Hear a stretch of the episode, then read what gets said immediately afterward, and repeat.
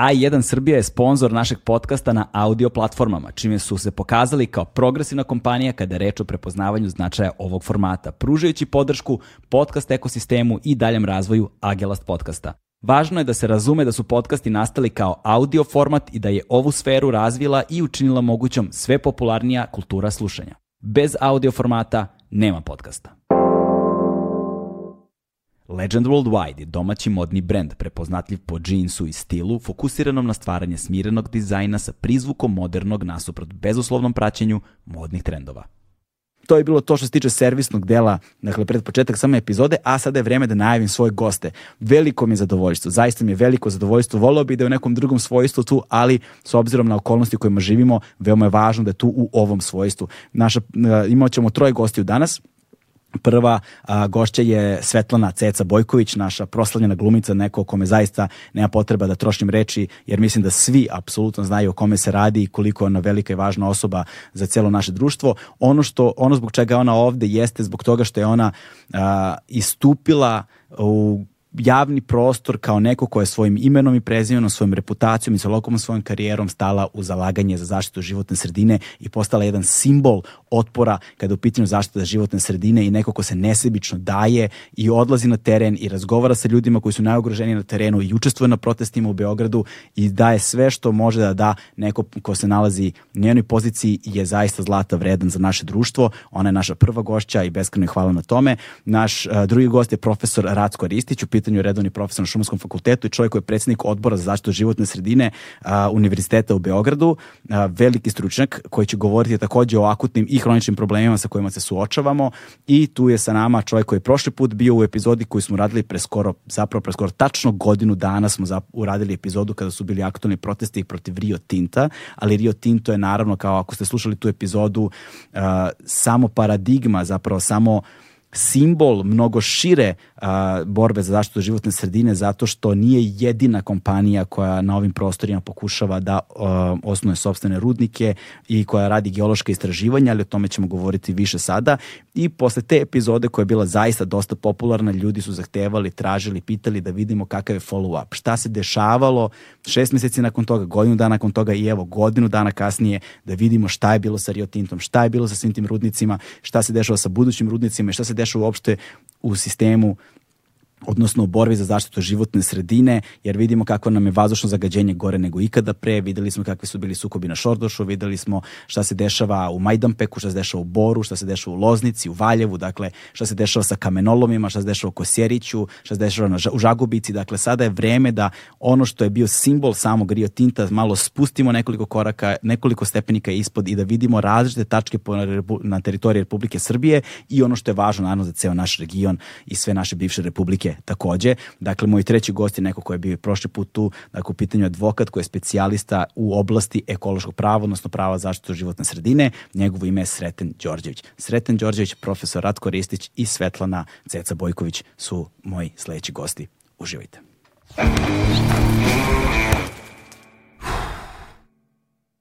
Hmm.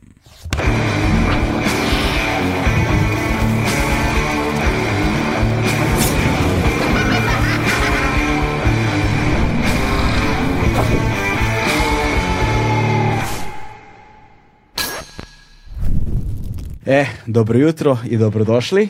Ovaj, Svetlana, pre svega želim vama da se zahvalim što ste danas ovde. Veliko je zaista zadovoljstvo i nadam se da ono o čemu smo razgovarali a, će se pretočiti u dela, da će ona sva tapšanja i rukovanja ovaj, da postanu najzad neka aktivnost na ulici tamo gde treba da se desi. Da. Ovaj, pored vas, a, ovde drugi put uh, kod nas, evo tačno je godinu dana prošlo od vašeg poslednjeg gostovanja, dakle Sreten Đorđević, uh, advokat, ekološko pravo je u pitanju, ali tako? Je li ima još neko među vremenu se pojavio ili samo vaši pripravnici? Ima. Ima, ima. Ima, još četvoro mojih advokata. E.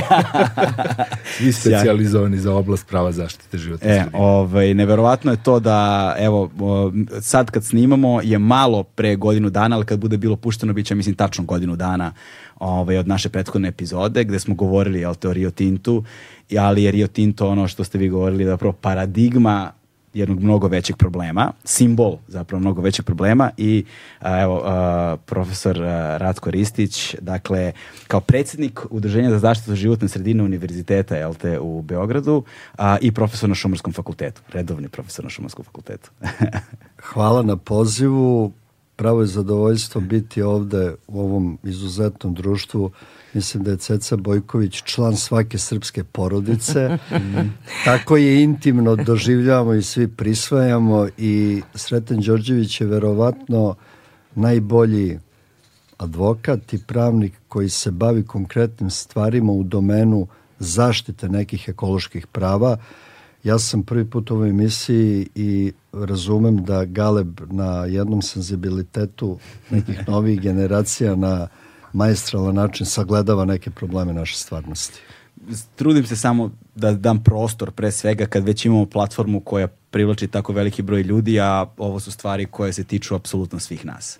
I ne samo nas, nego i naše dece i budućnosti ovih prostora svih zemalja ovde u regionu i pričat ćemo o tom fenomenu koji, o kojem sam skoro saznao koji nosi naziv Sacrifice Zones, dakle žrtvovane zone u, u, ovim, u ovim oblastima, ali polako stićemo dotle. Um, Svetlana, počeo bih sa vama pre svega, a, zato što nekako vi ste postali ne samo simbol, nego i uzor a, pravog građanskog odnosa prema društvu u kojem se živi, prema zemlji u kojoj se živi, prema okolnostima u kojima živimo sada i ovde, jer ljudi sa a, vašom karijerom i sa vašim ugledom vrlo često se okreću nekim malo drugačijim stvarima u životu, a vi ste ipak iskoračili iz te zone komfora i stupili u javni prostor sa nečime što je u tom trenutku čini mi se delovalo kao jedan intuitivni korak, impuls, nešto što nije bilo planirano ili smišljeno na neki način. Znači, u kom trenutku, ja, ja se sjećam da je prvi korak bio kada, kada je bio neki, stupanj ispred bagera ili šta je to beše bilo? Da, kamion, neko je nosio e, materijal, šut da istovari tamo u baru Revu. Da, mm, to da. je bilo prvi susret, prvo prvo dešavanje u tom smislu. Da, da. da Kako da. su se stvari ra razvijele nakon toga? Jer mi kada smo pričali, rekli se da se desio taj jedan fenomen koji je vrlo zanimljiv. Da svaki dan kad izađete iz kuće, ono, od kuće do prodavnice, vas barem 15-20 ljudi zaustavi, rukuje se sa vama, ono, tapša vas po leđima, čestita vam na, na ovome što radite, ali kada dođe do trenutka da se ljudi zapravo angažuju i da izađu tamo gde treba, da malo slabije odaziv. Nažalost, mnogo, mnogo slabije. Doduše ne mogu da kažem, bila su jedno dva velika protesta. Mm. Ovaj, jedan je bio baš onako veličanstven, taj u septembru, Ovaj, I to je bilo posle Barereve. Ovaj, Barereva, ne mogu da se setim da li beše juni mesec ili tako nešto. Ali hoću da kažem, stvarno je počelo spontano. Ja nisam uopšte ni očekivala da će biti to toliko ispraćeno, da će, ja sam to uradila čisto iz sobstvenog impulsa kao osoba, kao ličnost, kao građanin ove, ove zemlje. I bila sam i iznenađena da je to toliko postalo viralno prvo taj to moje mahanje ispred kamiona. Tako da sam ovaj bila i onda jednostavno sam kako bih rekla usisana u celu tu situaciju. Mm. ovaj ali to ništa nije menjalo moj, kako bih rekla, unutarnji impuls koji je to jednostavno takav je i postoji i dok ja postojim tako će biti. Tako da ovaj, sam ja nastavila, ovaj, a ovo su neke prateće stvari da. što se mene tiče. Jer jedan, kako, kako to da objasnim, normalno je da čovek ne očekuje, barem ja, da budem sad nešto tako popularna na taj način. Uopšte ja ni u glumu nisam krenula da bih bila popularna, već da bih se bavila time što volim, jel? Tako da je to tako sad krenulo i ovaj, ja ne mogu da se, malo ima tu i pojava da me zivkaju za razne stvari, ali ja ne mogu da se rasipam na sve moguće bušotine mm -hmm. raznih vrsta koje u ovoj zemlji postoje, nego sam se opredelila ono što, što sam, sa čim sam upoznata, a to je Rio Tinto, Nedeljica, evo sada Kolubara, uh, Eurolitium, uh, Balkan, uh, ne znam gde će se još sve to raditi, tako da kad je ta tema u pitanju ja sam tu, jer to sam nekako i upoznala zahvaljujući pre svega profesoru uh, uh, Ratku, koga sam slušala više puta i učila mm. ovaj, da se obavestim prosto, jer ja sam lajk u toj oblasti. Od njega i od Dragane sam dosta naučila, profesorke Dragane da, da, Đorđević. Đorđević da. I, a, a i gospodin i ja smo se upoznali jednom na N1 mm. i onda smo popričali upravo o ovim problemima. Da, ovaj, zanimljiv je taj fenomen, um, vi, kako ste rekli, uh, ljudi stalno zaboravljaju jedan stih iz boljeg života, kaže bolji život traži bolje ljude. Sad je pravo pitanje se postavlja gde su ti bolji ljudi, jer je zanimljivo da ipak smo imali pre godinu dana, malo više od godinu dana, taj prvi ekološki protest ikada kod, na, na našim prostorima, s jedne strane, ovaj, i, i s druge strane, da nekako koliko ste vi zapravo naučili od trenutka kada ste to spontano istupili i sada aktivno učestvujući u svim ovim a, ne samo protestima, nego i odlascima na teren, recimo u Gorim nedeljicama gde ste skoro zajedno skoro bili, smo bili, se, da, da. zajedno govorili. Kako vam situacija deluje u poslednjih godinu dana kada posmetate unazad sa time šta ste vi shvatili o veličini problema i s time kako društvo reaguje na ono što se dešava? Društvo, mislim, ja ne mogu da kažem društvo, nego vlast da. koja to sprovodi, deluje ovaj, po, podmuklo. Eto, bukvalno ću da upotrebim tu reč, zato što ovaj, ne deluje javno, prave se svi ludi, što je najvažnije obmanuti smo, da ne kažem slagani, druga reč, kad vas neko obmane, taj vas je slagao, je li tako? Premijerka je rekla, ovaj, gotovo je s Rio Tintom, ono čuveno njeno izjavljivanje, čao, Rio Tinto čao, jel? I međutim, ništa, to je sve bilo pred izbore. Posle toga oni redovno, mi znamo na terenu, evo, evo gospodin profesor Ratko da isto zna, oni dolaze i buše i dalje i ljudi i dalje žive u potpunom očaju i neizvesnosti, razumete, jer vide da se ništa, ništa, ništa ne menja. E, tako. Da. Da, ovaj, e, sad je možda trenutak pravi da rekapituliramo ono o čemu smo pričali prošli puta. I tražili su mi ljudi o Nomad kad smo još snimali, kaže, molim te, zovi ove ljude ponovo šest meseci kasnije, godinu dana kasnije da vidimo šta se obećavalo, gde smo bili tada i šta se desilo među vremenu.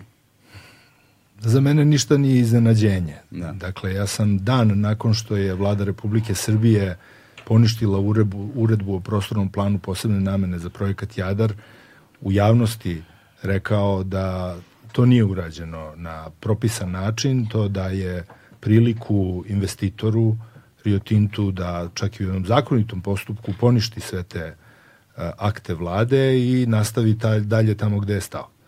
Dakle, što se Rio Tinta tiče i što se projekta Jadar tiče, nikada ništa nije ni stalo, oni su samo napravili jednu pauzu za kafu. Stanku. Jednu stanku. Iz njihovih poslednjih izjava i onoga što je javnosti dostupno, vidi se da su oni samo odložili početak izgradnje za dve godine, rudnika, tako da oni realizuju svoje planove uz manje poteškoće mm. a, i ja ne vidim da se tu ništa dobro desilo. Nije se ništa dobro desilo. E, to bi trebalo stalno ponavljati, jer, znate, ovakva situacija u kojoj e, vlast na jedan pompezan način e, saopšti da je završen jedan projekat, dovodi do ogromnog pada energije u javnosti. Mm to je prirodan jedan proces, znate, da se ljudi spuste i da kažu dobro je, sad smo završili i onda sva energija, ta, ta energija bunta koji je trajao nedeljama u Srbiji, ona polako nestane ili nestane odmah. E, ja sam i tad, dan nakon što je to saopšteno, upravo rekao e, to što sam rekao, čak sam i trpeo neke kritike od strane civilnog društva, jer ljudi ne vole da čuju stvar koja im ne prija. Da. E, tako da mislim da, da se ništa nije promenilo, da nismo još uvek zaustavili negativan trend e, e,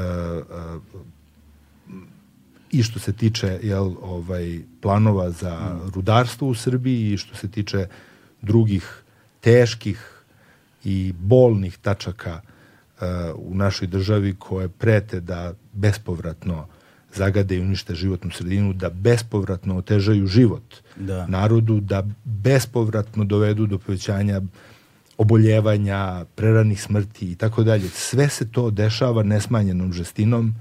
Biće prilike verovatno danas da pričamo i o tome i o nekim pojedinačnim tipičnim primerima kako to izgleda, ne samo kad je rudarstvo u pitanju, nego da. do onih stvari koji ljudima ne dolaze tako jasno uh, do uma, kao što je, na primjer, buka mm. kao jedan tihi ubica, jel? kakve probleme postoje, problemi postoje sa, sa zagađenjem bukom, kakvi problemi postoje sa zagađenjem uh, vazduha, kakvi problemi. Dakle, gde god začeprkate, vi ćete naći na bezbroj da. teških, teških, tužnih priča ljudi koji se ne mogu tako lako eksponirati i koji ne mogu tako lako da uđu u žižu javnosti, jer neke druge teme kao što su megarudnici prekrivaju sve to i onda ti ljudi ostaju ispod površine. Ne. Ovaj, ako sam dobro razumeo, rekli ste da, su ovi, da je Rio Tinto samo poništio odluke koje su bili na, bile i nastavio dalje. Jeste tako rekli? Vlada Republike Srbije, Srbije poništila, poništila uredbu o prostornom planu posebne kako, kako se namene. To desi, mislim, kako se desi da samo ponište da se to prostor ne bude u javnom prostoru i na koji način? Ne, to je saopšteno Sa... prošle godine, ali problem je u tome što pre poništavanja te uredbe nisu poništi, poništeni drugi pojedinačni akti koji su pravni osnov za usvajanje te uredbe. Mm. Da biste poništili uredbu, morate da poništite i osnov koji je doveo do usvajanja te, to ništa nije urađeno u tom momentu i to je urađeno potpuno suprotno. Za, dakle, nije urađeno na zakonit, nego na politički mm. ispravan način. Sad, moje pitanje, kako se, kako se taj proces desi, a da je nezakonit? Pa, Mislim, vrlo, na koji način se on zapravo... Pa, evo, evo vrlo jednostavno. Imali ste taj opšte narodni bunt, mm -hmm. koji je pogađao političke interese vlasti i onda je vlast donela političku odluku da preseče i da kaže poništavamo uredbu o prostornom planu, na osnovu toga završen je projekat Jadar. Jel? Da. Od njega više nema ništa. Međutim, to je čin politike da. i političkih interesa. U skladu sa zakonom to nije urađeno kako treba. Ljudi vrlo često poistovećuju pravo i politiku, pa ih stavljaju, ne, pravo je nauka, a politika uslovno rečeno. u praksi uslovno rečeno. Politika dakle, u praksi. To jedno sa drugim suštinski nema veze. Ovo je bilo, bila stvar političke odluke, pravnički to nije bilo urađeno dobro, to je presečeno preko kolena i zato sam ja tada reagovao i rekao ne, ovo nije dobro urađeno, ovo ne miriše na dobro u budućnosti, a vidimo sad da manje više vlast počinje javno da govori o tome da, da bi taj projekat trebalo nastaviti. Da. A, nastavit ćemo ovaj, razgovor na tu temu. Va, važno mi je pre svega bilo da rekapituliramo ono čemu smo govorili u prethodnoj epizodi, a, za, ali ćemo danas da se više stavimo akcenat na ove tihe ubice i na ono što zapravo svakodnevni čovek pojedinačno trpi na prostoru celokupne Republike Srbije i da negde a, dodirnemo više tačaka na samoj teritoriji, prosto da bismo negde opisali koliko je to moguće krug u problema koji postoji da bi ta informacija imala neku vrstu težine, pa nadam se ostavila ljude da promisle malo o tome koji bi naši sledeći koraci trebalo da budu. A, profesore, Šordoš se des, desio, o, o aerozagađenju, da ne govorimo, to je prosto vam pameti šta nam se dešava u ovom trenutku. Rio Tinto, evo upravo zna, znate bolje nego, nego ja svakako, kao i brojni drugi problemi. U kom trenutku se osnovalo uh, udruženje za zaštitu životne sredine pri univerzitetu? Čisto i predsednik. I kakva je situacija iz vašeg ugla? Ja bih e, započeo sa konstatacijom da sam počestvovan kada recimo Svetlana Bojković kaže da nešto nauči od mene. Ove, I to je jedan dokaz da to što ja radim ima smisla.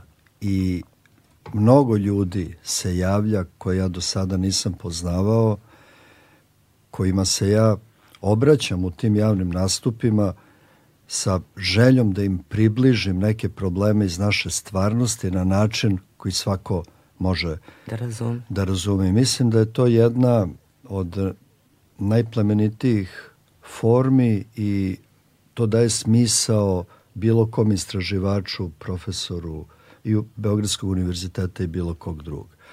Ovo što ste uh, vi pomenuli, ove kritične slučajeve, kritične projekte vezane za našu stvarnost, to se dešava u kontinuitetu u jednom košmarnom procesu koji se zove srpska tranzicija, koja je i privredna i politička i sociološka, pa i smislena tranzicija i mi smo uvek izloženi nekim neverovatnim idejama nekih koji bi da uvećaju ili da steknu neverovatnu zaradu.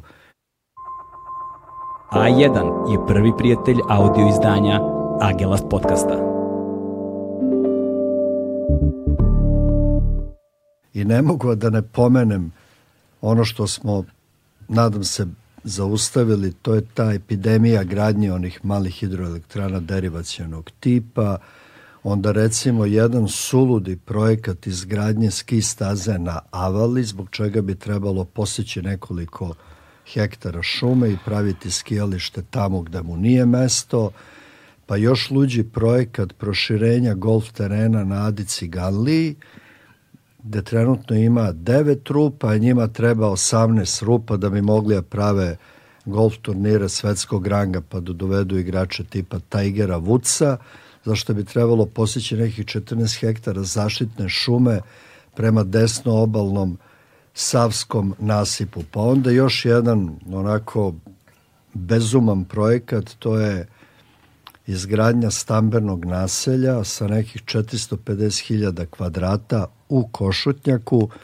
pod parolom revitalizacije avala filma. Dakle, stalno imate neka iskušenja, neko nasrće na te fragilne, osetljive prostore i to su prizemni porivi, uvek je neka zarada u pitanju, uvek je neki novac u pitanju i uvek su neke interesne grupe u pitanju. I vrlo je zanimljivo da u tim interesnim grupama srećete ljude iz svih političkih opcija. I potpuno je jasno da svi ti ljudi nemaju nikakvu ideološku, odnosno idejnu vodilju u svom delovanju, nego je uvek važno biti tamo gde se deli moć, a gde se deli moć dele se i pare. I prosto pogledajte mnoge likove koji su sada nešto i pripadaju političkoj pod navodnicima eliti, imate njihovu genealogiju menjanja tih političkih stranaka da je to već postalo potpuno besmisleno. Jasno je šta ih pokreće i do čega im je stalo.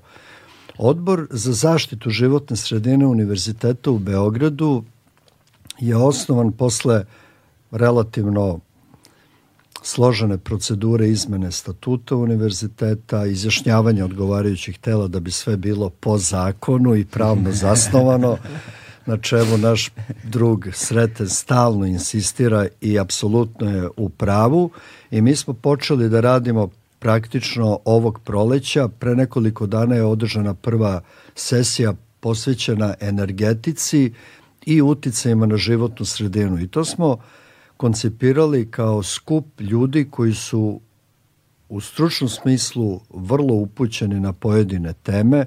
To nema neku široko naučno popularnu konotaciju. Zaključci će biti prezentirani na način da će ljudi to moći da razumeju, ali smo pozvali određene govornike koji su u svojim izlaganjima koje su trajala 20 minuta preneli ono što se zove stanje stvari po pojedinim oblastima, imali smo odgovarajuće diskusije i na osnovu toga ćemo sintetisati neke zaključke.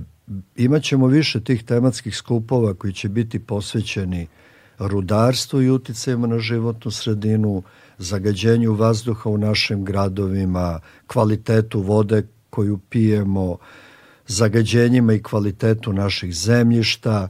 Imaćemo sesiju koja će biti posvećena nasrtaju raznih investitora na fragilne urbane prostore koji ubrzano ostaju bez zelenila gde se upravo povećava neverovatnom progresijom taj stepen zagađenja vazduha i na određeni način dolazi do dehumanizacije prostora.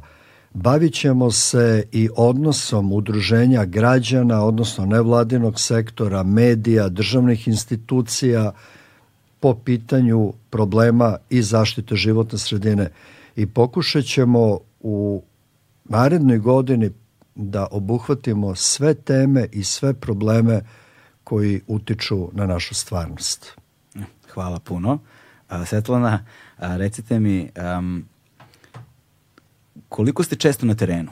Od, od onog spontanog trenutka pa evo poslednjih dve pa godine. kad god mogu, nije to baš pretreno često, da. zato što stvarno ne mogu da postignem jer ja imam i da. svoj posao, razumete ali ovaj, kad god mogu ja, da. ne znam koliko ima kako smo bili u, u Gornjoj nedeljici, to ima, da, nema ni mesec dana, nema, tri, jedno, tri nedelje, da. da. Eto, to je poslednje što sam išla. Ovo drugo se uključujem kad mogu nekada i preko ovaj, Skype-a ili da. kako god, razumete, što se tiče šordoša, tako je bilo. Da ali eto to je. Izvinite, nešto sam tela, ne, neodoljivo sam, a ne smemo jedne drugima da upadamo u reč. Da.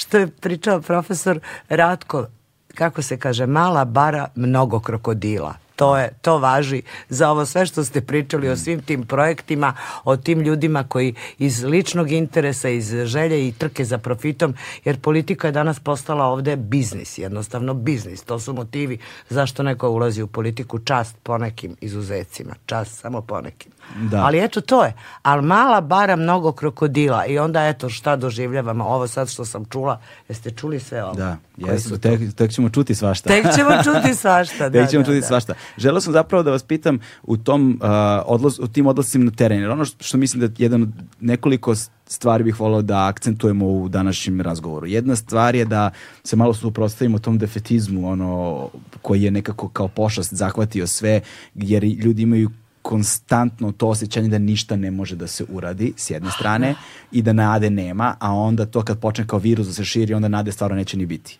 s jedne strane a, s druge strane da svedemo tu priču sa tih velikih opštih narativa kojima mislim da je prostor negde malo zasićen, na, da ga nekoliko stepenika ni ispod o čemu smo sreten ja razgovarali već na, na, na individualne ljudske priče, na individualne slučajeve i na pojedinačne slučajeve na lokalitetima kao što je Valjevo, kao što je Majdanpek i tako dalje. Ovaj, I onda ste tu negde ključni i, i vi za razumevanje dakle, tog direktnog odnosa sa ljudima na terenu. Dakle, kako je ta situacija koju ste vi zaticali tamo u kontaktu sa ljudima i da li ste imali priliku možda da razgovarate nekada sa nekim od zaposlenih u tim firmama koji, koji zastupaju interese tih rudarskih kompanija? A, ne, to da. nisam imala prilike, ali sam sad videla posljednji put, ovaj, dobila sam ovaj, od Ćute, ovo baš sa ovaj, iz Valjeva, kada je on ušao u tu kancelariju uh, Eurolitium Balkan, gde rade naši ljudi. Ja sam posle razmišljala o tome Da li ti ljudi znaju šta rade? Oni su vjerojatno odlično plaćeni. Ali nije sve u parama. Ali redki su ljudi koji će zbog para odbiti nešto iz etičkih razloga. Ti radiš za pare. Ja se izvinjam što, ali ja to stvarno tako mislim. Ti radiš za pare nešto što je kontra interesa tvoga naroda i tvoje zemlje. I još ona jedna kaže, pa mi smo samo inženjeri. U redu inženjeri, ali zašto se va, vaše usluge koriste? Zašto? Izvinite, ako ja kao lajk mogu da znam o čemu se radi, mislim, ne do u detalje, do, do u detalja, ali oni koji su inženjeri, oni ne znaju o čemu se radi, pa nemojte, molim vas. Onda vidite, Ćuta pokazuje ono što ste i vi, profesore, rekli za ovaj, e, tu studiju o um, Rio Tinta, sve su ovako kako da kažem, analize i studije zatamljene. To je znači van domašaja javnosti. Pa zašto kriješ od javnosti? Znači da, da, to, nije či, da to nisu čista posla. Pomozite mi, molim vas. Eto, to hoću da kažem. Da. Tako da sam videla vrlo dobro kako ti ljudi izgledaju. Oni se ponašaju kao da su pali s Marsa. Kao da su sa neke druge planete. Ne, iz neke druge zemlje. Nemojte, molim vas, nemojte da snimate. Pa mi nismo političari, mi nismo javne ličnosti. Mi smo inženjeri. Mm. I šta ti je to sad opravdanje što si inženjer? Pa da, Nemojte, sad, molim vas. Da. Ovaj, o, uvek će se negde su, sučeliti, sučeliti i, i suprostaviti ono što su negde, da kažemo, egzistencijalne potrebe pojedinaca koji žive, ne znam, na tim lokacijama u odnosu na ono što su neki viši interesi koji možda, ne znam, zvuči nategnuto kao izigravam đavoljag advokata u ovom trenutku, ovaj, a, čije posledice ćemo tek vidjeti u budućnosti i to je kao što je sa svim takvim delatnostima sumnjivog tipa uvek u pitanju, ako, ne, ako ne budem ja, bit će neko drugi. Da. I ako bih ja sad mogao da se nadovežem, ma ne bi mi bilo ovaj, teško, kada razmišljamo o tim zaposlenim uh, inženjerima u rudarskim firmama, kao što je recimo ova rudarska firma koja je kanadskog porekla i kapitala, Eurolitium Balkan, onda govorimo i sledećoj stvari. Za razliku od nas koji pripadamo javnosti stručnoj, opštoj, ovako ili, ili zainteresovano, jel? ti inženjeri tačno znaju šta stoji u njihovim studijama. Oni rade te studije. Oni tačno znaju da njihov poslodavac u javnosti iznosi neistine o prirodi i namerama njihove kompanije koja želi da izgradi jedan mega rudnik bora i litijuma kod Valjeva. Uprkos tome, zarad najnižih interesa zapravo, oni se kriju iza profesije i kažu da, mi radimo svoj posao. Pa tako oni piloti rade svoj posao kada bombarduju civilno stanovništvo. Ne. Po ratovima imali smo bezboj prilike da slušamo o takvim da. stvarima, nažalost. Dakle, to sakrivanje iza profesije, to skrivanje iza odgovornog rada, jel, mm. odgovorne realizacije svojih poslovnih obaveza, to je u najmanju ruku cinično. Pogotovo kažem, kao što je Ceca malo pre rekla, ja sam imao prilike da dođem do e, projekta primenjenih geoloških istraživanja e, za područje Valjevo Sever kompanije Eurolitium Balkan za period 2022. do 2025. Od 70 i nešto strana, 51 strana je potpuno zatamnjena. Nisu to zatamnjene samo stvari koje bi eventualno po zakonu mogle da se proglase poslovnom tajnom Tu su zatamljeni podaci o ekologiji, o ekološkom statusu, o ekološkim ispitivanjima, o hidrogeologiji tog tla, koja je posebno ozbiljna tema imajući u vidu da tamo postoje bušotine koje su izašle na površinu, koje su kontaminirale okolno zemljište, zagadile okolne bunare. Posebno i zbog toga što postoje i bušotine koje su zagadile duboke arteške bunare dubine 120 metara, gde to nije još izašlo na površinu. Ja sam imao prilike svoje vremeno da zahtevam i podatke o hidrogeologiji tog tla. U to vreme, a možda ni sad, kompanija Eurolitium Balkan nije ni radila hidrogeologiju tog tla. To znači da su oni na svoju ruku, ne znajući kakve su potencijalne posledice, bušili te rupe na dubini od 350, 400, 500 metara, ne znajući kuda će ta voda da krene i kako će ta voda da izađe na površinu. Da, malo, A desilo se upravo to. Da, malo smo govorili o tome u prethodnoj epizodi zapravo, ali bih voleo da, da, da, da, da, da samo adresiramo ponovo.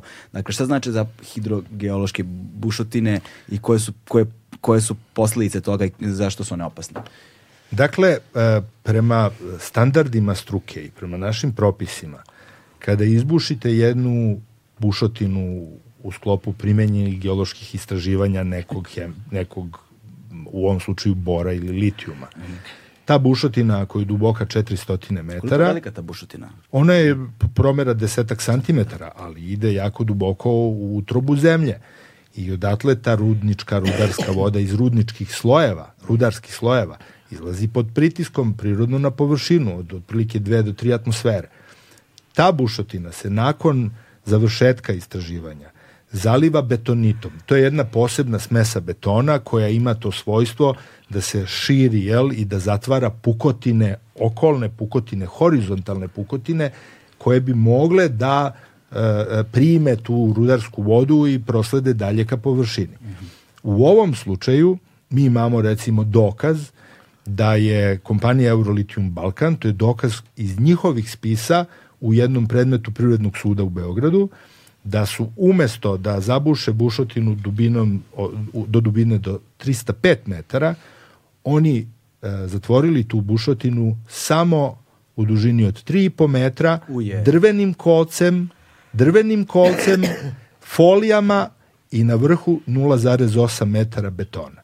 Dakle, to je bušotina na 70 metara od kuće Cvetka Jovanovića, ona se izlila i ona je napravila tu štetu okolnom zemljištu i zagadila njegov bunar. Ono što je posebno opasno, to je da je iznad te bušotine tokom ove godine uh, izgrađen, izgrađen put, brza saobraćajnica Lajkovac-Valjevo. I ta voda i dalje provire u okolno zemljište, jer kada se put jel, uh, ovaj, naspe i kada se to ponovo kada se taj pritisak jel, odrazi na do, okolo, do, donje zemljište, to sve se širi okolo i to je jedan nerešivi problem. Dakle, nije to jedina bušotina, tamo ima još nekoliko bušotina koje... O čemu, o čemu ja zapravo govorim? Govorim o tome da član 7 zakona o rudarstvu kaže da rudarske kompanije koje krše propise, vršeći svoju rudarsku delatnost, ne mogu da dobiju dozvolu za rudarenje. Mm. Ili im dozvola mora biti oduzeta, poništena. Postoji bezbroj slučajeva, to je područje Valjevo, to je područje Loznica, gde postoje očigledni dokazi da oni rade nelegalno i nezakonito taj posao. Ali sa druge strane ne postoji mehanizam ne postoji mehanizam koji bi morao biti jel, sproveden kroz rudarsku inspekciju, jel, koji bi to trebao da identifikuje i sankcioniše. Moja kancelarija je pre skoro godinu dana podnela određeni broj prijava protiv kompanije Eurolitium Balkan. Određeni broj koliko? Konstatacijom sa, sa dokazima da oni nelegalno vrše aktivnosti tamo zato što su sve svoje bušotine a do sada je izbušeno preko 50 bušili u najkvalitetnijem poljoprivrednom zemljištu od prve do pete klase. Ovde je sve prva i druga klasa što je apsolutno suprotno e, zakonom o poljoprivrednom zemljištu koji takve aktivnosti na poljoprivrednom zemljištu zabranjuje. I onda smo pre par meseci dobili četiri rešenja Republičkog ministarstva poljoprivrede koji je sve to konstatovao i zabranio im dalji rad zbog toga što krše zakone o poljoprivrednom zemljištu. I sada bi bilo prirodno da neko ko ovo sluša, recimo tužilaštvo ili policija da. ili inspekcija, odmah reaguje odgovarajućim krivičnim prijavama, jer se u takvim radnjama rudarske kompanije stiču i obeležja nekih krivičnih dela. Međutim, problem je u tome što mi u Srbiji van pokrajine imamo samo tri rudarska inženjera, a zapravo bismo mogli govoriti o, o tri pojedinačna rudarska inženjera, jer je jedan zadužen za podzemne vode, drugi je zadužen za čvrste stenske mase i treći je zadužen za primenjena geološka istraživanja. Tako da mi u Srbiji nemamo inspektorat. Da, da. Mi imamo inokosne organe inspektore. Pa deluje neprirodno da u ovakvoj situaciji gde imamo stotine i stotine istražnih područja, desetine i desetine rudnika, imate tri rudarska inspektora. Zašto se to radi? Zato što je to neko tako hteo. Dakle, zato što se na taj način potpuno onemogućava inspekcijski nadzor. Ja sam pitao rudarskog, e, republičkog rudarskog inspektora prošle godine, kad je poslednji put bio u Boru? I rekao je da je bio recimo nekoliko meseci pre toga, a pre toga pet godina ranije. Da. I onda mi slušamo profesore Beogradskog univerziteta koji se ističu kao lobisti Rio Tinta, koji kažu da Srbija ima potencijal i da Srbija može da zaštiti ovaj zakonitost rudarenja zato što ćemo mi kroz inspekci, inspekcijski nadzor, jel, imamo mi kapacitete, imamo ovo i ono, da sprečimo svaku nezakonitost. Pa na teritoriji rudarskog basena Bor policija ne može da uđe tamo, a kamoli inspekcija. Da. Ja sam neki dan čuo podatak direktno iz usta e, načelnika policijske uprave Bor da trenutno e, u Boru je registrovano 7,5 hiljada kineskih državljana. 7,5 hiljada kineskih državljana.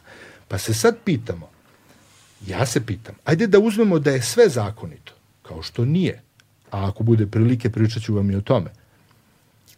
Koja je korist za državu od, od rudarskog basena Bor danas? Da li je to 7,5 hiljada zaposlenih srpskih državljana ili 7,5 hiljada kineskih državljana? Koja je korist? Ili koja je korist od rudarskog basena Bor imajući u vidu činjenicu da se hiljade i hiljade tona rude izvozi bez ikakve kontrole iz Srbije preko najbližih luka, ko zna gde koja je korist za Srbiju od toga da se uvoze hiljade i hiljade tona rude sa jako visokim koncentracijama najopasnijih zagađujućih materija, koje ne mogu tek tako da se prerade i odlaze u atmosferu. Ako mi imamo tako bogata rudna nalazišta kao što je sad evo i Čukaru Peki, ali treba imati u vidu da je prema informacijama koje ja imam, E, rudnik Čukaru Peki izuzetno bogat rudom, ali i prebogat arsenom. Arsenom. Što će biti potencijalno pogubno za već gotovo uništenu životnu sredinu i radnu sredinu u Boru. E, sad, samo jedna stanka, sad možemo, sad ovo je baš dobar šlagvord za vas, jel te? Ali pre toga da, jed, jedna stavka, dakle, u Valjevu ima, imaju 52 a, završene bušotine, ali čisto ljudima da stavimo perspektivu šta to znači, koliko ih ima u ostatku Srbije. Pa evo Valjevo je... Ako ne računamo Rio Tinto. Valjevo je e, posle Rio Tinta najugroženija tačka na Balkanu e, u vezi sa planovima za izgradnju rudnika bora i litijuma. Sve ukupno u Srbiji vi nemate 50 istražnih, istraženih bušotina, možda i nema ni pet mimo Valjeva i, i, i ovaj, ne, Loznice. Da. Dakle, Valjevo je zbog toga jedna potencijalno jedna već neuralgična tačka, ali ono što je bitno za Valjevo jeste da smo mi uspeli da pravnim sredstvima uradimo dosta što do sad nikad niko nije uradio, a to je da se izborimo za privremenu meru zabrane primenjenih geoloških istraživanja na području Valjevsko-Mionički basen, a da preko ovih prijava Republičkoj poljoprivrednoj inspekciji suštinski onemogućimo primenjena geološka istraživanja ni na području Valjevo-Sever. Inače, to područje Valjevo-Sever zahvata veliki deo samog gradskog jezgra Valjeva. Deo naselja Peti Puk, deo naselja Novo naselje, deo naselja Gradac, sve do sela prema, prema Užicu. To je ono što ljudi treba da znaju, a ne znaju. Nažalost, ljudi misle da to nikad neće doći pred njihovu kuću. Da. E onda mi treba pokazati fotografije Majdanpeka. Znači, autobuska stanica u Majdanpeku je 30 metara od grotla dubine 800 metara. Na 100 metara od zgrade hotela, od zgrade policije, od zgrade gradske administracije, skupštine opštine. To sve može da se desi Valjevu bez ikakvih problema, jer formalno pravno istražna prava vam dozvoljavaju da birate u zavisnosti od koncentracija rude i ekonomske isplativosti, da u tom području površine 200 kvadratnih kilometara koje ima, koje ima sad e, Eurolitium Balkan, birate gde vi hoćete da postavite rudnik. I samo ću završiti jednom rečenicom. Bio sam u Majdanpeku pre mesec dana. Na tom javnom skupu, to je bio odbor za zaštitu životne sredine Skupštine Srbije, govorio je i profesor Rudarskog fakulteta Lazar Kričak. I pred tim auditorijumom E, e, gde su bili okupljeni unesrećeni građani Majdanpeka. On je netrepnuvši rekao da oni moraju da shvate da je sam grad Majdanpek najbolja rudarska lokacija za odlaganje rudarskog otpada u tom regionu. Dakle, oni ne prezaju ni od takvih stvari da ljudima koji su potpuno unesrećeni kažu, pa nemojte se buniti, kao što kaže onaj drugi ekspert, kaže, rudnik je tamo gde je ruda. Znači, u zavisnosti od njihovih interesa, tu će biti. Pa nije baš tako da je ruda. Zamislite da je rudnik na slavi. Zamislite da je ruda na slavi. Zamislite da je ruda, kao što je recimo prošle godine, ja sam to objavio ovaj, jednim eh, bezazlenim tvitom, ovaj, objavio sam da eh, na teritoriji Voždovac postoji uh, postoje eksploatacijona prava površine 100 kvadratnih kilometara kineske kompanije Zijin. Dakle, to je Sopot, uh, Avala, Voždovac. Razumete? Sutradan je tadašnja ministarka izašla i rekla da je to neka greška. Nije bila greška. A nekoliko sati kasnije kompanija Zijin objavila da se povlači sa tog istražnog područja. E sad ja pitam, ako su se povukli sa teritorije opštine Voždovac, Zašto, je, zašto su građani opštine Voždovac važniji od građana Gornjih Nedeljica? Zašto su važniji od građana Lukavca, Popučaka, Valjeva i svih onih drugih lokacija na takozvanoj Vardarskoj osovini, jel, litijuma, zašto su baš Beograđani važniji? Ne, nisu važniji. Politički su važniji. Nego su politički bitniji. Inače, Posledice su potpuno iste. Pot, posledice su jednake za sve. To je, o tome će profesor bolje govoriti, jel? ali to je svakako jedna destrukcija, jedno lišavanje ljudi osnovnih ljudskih prava na život, na zdravlje, na imovinu, na životnu sredinu.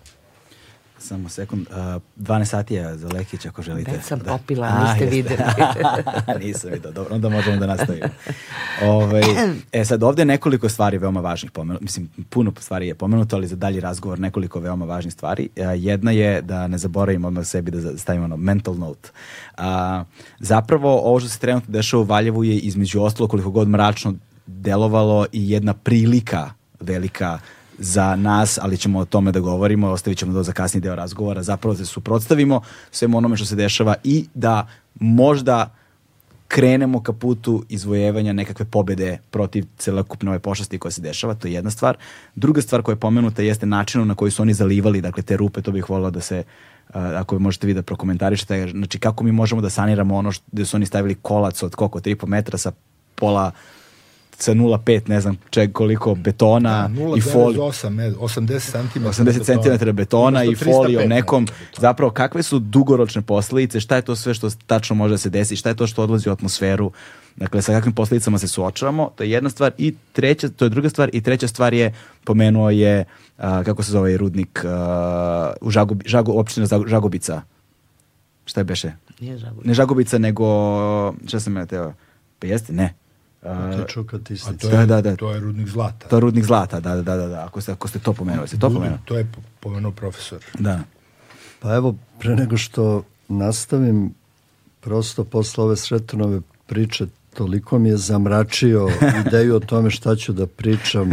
Ovo je depresivno i- i hvala ti na toj brutalnoj, sistematičnoj iskrenosti. A, Kada smo čitali studiju opravdanosti projekta Jadar, dakle, to je dokument koji je napisao Rio Tinto i njegovi eksperti na više stotina strana, pripremajući se za skup koji je bio u Srpskoj akademiji nauka i umetnosti. Tamo je moglo da se izdvoji nekoliko karakterističnih momenata. Dakle, preko 2000 hektara u prvoj fazi projekta bilo bi praktično uništeno za potrebe rudarenja. Obradivo zemljište, šume, okućnice, kuće. Bilo bi raseljeno par hiljada ljudi da bi se formirale sve te pristupne saobraćajnice, postrojenja za preradu, deponije i tako dalje. Bile bi formirane deponije u priobalju Jadra sa skoro 10 miliona metara kubnih materijala, od čega nekoliko hiljada tona arsena koji je veoma reaktivan. A gde se sve to radi? To se radi na području nekih 10 sela, na površini ukupno nekih 4800 hektara da živi nekoliko hiljada ljudi i to je destinacija koja je označena kao perspektivno turističko područje Podrinje Jadar. Sa rudnikom nema perspektivnog turističkog područja. To je područje gde ima preko 450 biljnih i životinskih vrsta prema studiji o proceni utice na životnu sredinu koju je radio Biološki fakultet Univerziteta u Beogradu i tamo je izdvojeno nekih 140 strogo zaštićenih i zaštićenih vrsta. Kada imate strogo zaštićene vrste, projekti po zakonu ne smeju da se realizuju. Takođe, ne smete ništa da radite u vodnom zemljištu što bi moglo da ugrozi otvorene vodotokove ili rezerve podzemnih voda koje se nalaze ispod toga. I čak je zaključak te studije biološkog fakulteta bio da bi mreža života bila izbrisana i oni su dali preporuku da se taj projekat uopšte ne izvodi. Dakle, to je preporuka biološkog fakulteta. Takođe, tamo imate 50 lokaliteta koji su od neverovatne arheološke, istorijske i kulturne vrednosti od neolita do današnjih dana. Tamo je spomenik, to je na jedan način i sakralna zemlja. Tamo je spomenik u Dragincu gde su Nemci streljali 3,5 hiljade ljudi u drugom svetskom ratu po ideji onog psihopate Franz Bemea, generala, 100 Srba za jednog ubijenog Nemca, 50 Srba za jednog ranjenog Nemca. I grande finale svega toga je činjenica da je strana rudarska kompanija, pritom je nebitno da li je to Rio Tinto ili Imperial Metals ili neko treći, to je potpuno nebitno. Bitno je da je naša država dopustila stranoj rudarskoj kompaniji da napravi nešto što se zove Relocation Action Plan, odnosno plan raseljavanja stanovništva. Dakle, stranci dolaze u Srbiju, prave plan raseljavanja, raseljavanja naših ljudi, ljudi u jednom trenutku shvataju šta može da im se desi, kucaju na vrata u svom gradskom sedištu, to je Loznica, tamo im savetuju da se mnogo ne opiru. Ljudi se obraćaju ministarstvima, niko im ne odgovara. I onda se dešava taj stampedo očaja, daj da uzmem to što mogu dok još mogu. Dakle, postavlja se i pitanje pa ko je nosila suverenitetu u ovoj zemlji? Da li strane rudarske kompanije? I kako to one ostvaruju? I kako je moguće da se naša država pravi luda na sve to? Pritom, kada smo počeli o tome da govorimo, sećate se izjave i ministara i premijerke da Srbija, odnosno vlada s tim nema nikakve veze.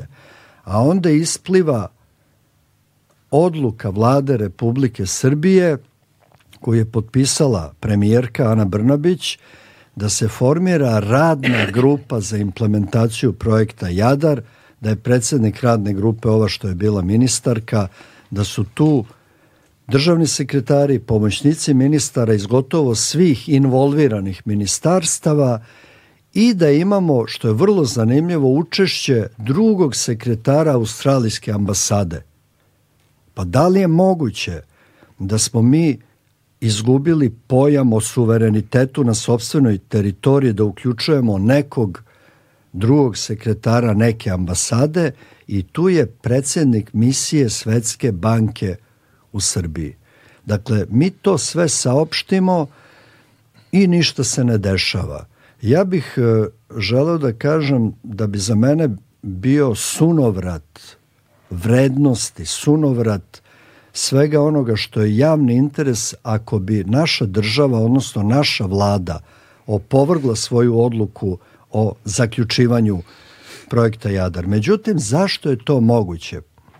Kakvo smo mi to društvo da se setim i na ono što je Ceca rekla, da njoj nije jasno koji to ljudi, koji to inženjeri mogu da učestvuju u stvarima i projektima koji očigledno ne donose dobro našoj zemlji zato što je to njihov posao, zato što oni zarađuju od toga. Dakle, šta se sa nama desilo? Mi smo, nažalost, društvo koje je izgubilo nešto što se zove hijerarhija vrednosti. Mi smo izgubili etičnost u javnom životu. Nama je nametnut profit, zarada, to lukrativno kao vrhunska vrednost, ali često to nije tako.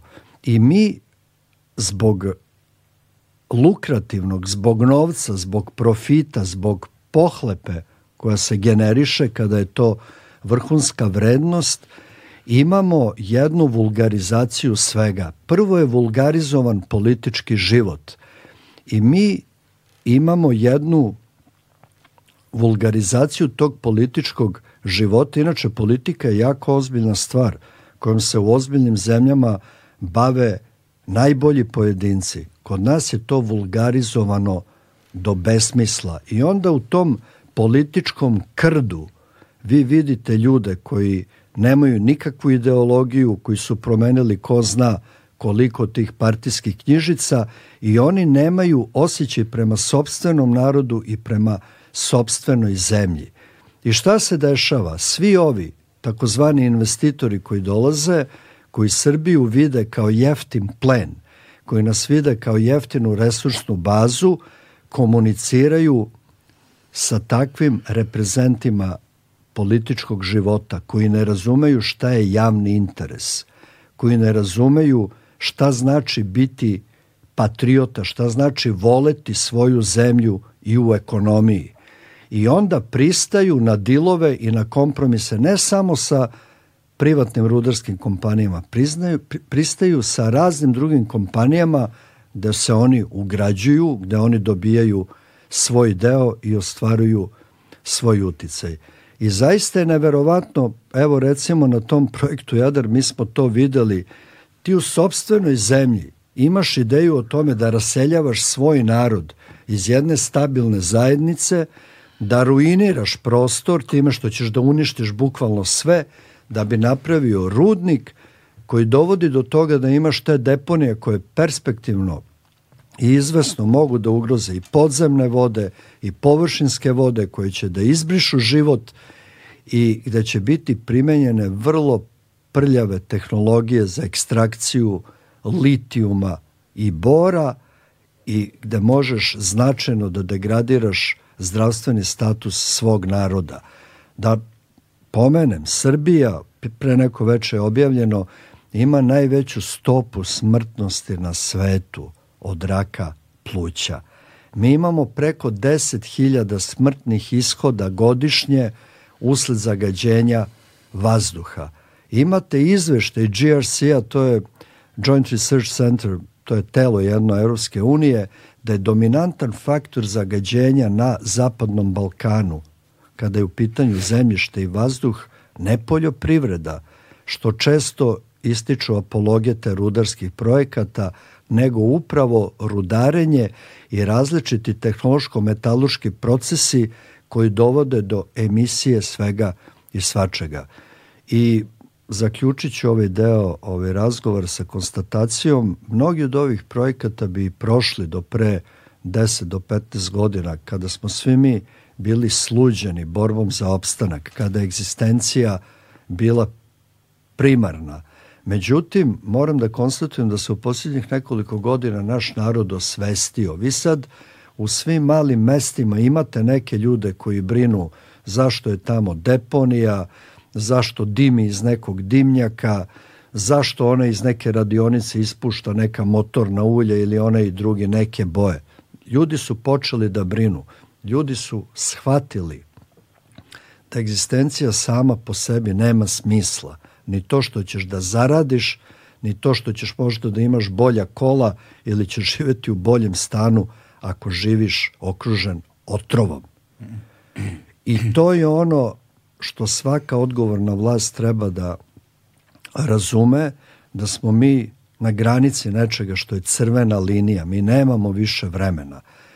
Uz to, Srbija je zemlja koja se nalazi u delu Evrope koja je, to je jugoistočna Evropa, to je jedan od najugroženijih svetskih regiona kada su u pitanju klimatske anomalije.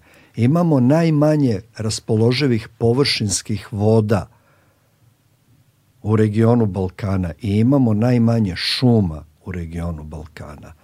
Dakle, mi već sad moramo da shvatimo da, da je to da je taj vodni potencijal koji imamo vrhunska vrednost. On ne može da se procenjuje kao neki usputni efekat kroz neke projekte. Dakle, ta voda, to malo što imamo, mora da bude izdignuto na pijedestal javne brige i ne smemo da realizujemo bilo koji projekat koji može da nam ugrozi i taj resurs, resurs površinskih voda, naše šumske površine i naša zemljišta. Samo da kažem, Srbija ima preko 4,5 miliona hektara obradivog zemljišta. Mi izvezemo godišnje 3 do 3,5 milijardi evra od poljoprivrede. Holandija ima 1,5 miliona hektara obradivog zemljišta, a izvozi više od 80 milijardi evra godišnje. Dakle, imamo više od Holandjana i bolje nam je zemljište, a skoro 20 puta manje izvozimo. Pa kako je moguće da država ne prepoznaje taj neverovatan potencijal, a onda se suočemo u stvarnosti s činjenicom da seljaci gase svoja stada jer im država na vreme ne isplaćuje subvencije koje su i onako male. Pa onda imamo da je mleko jeftinije recimo od kisele vode, pa sad u prodavnicama kad odete umesto pijemo onu kravicu i belo, naše organik mleko, mi pijemo neko mleko iz Češke, Slovačke, Poljske, odakle već.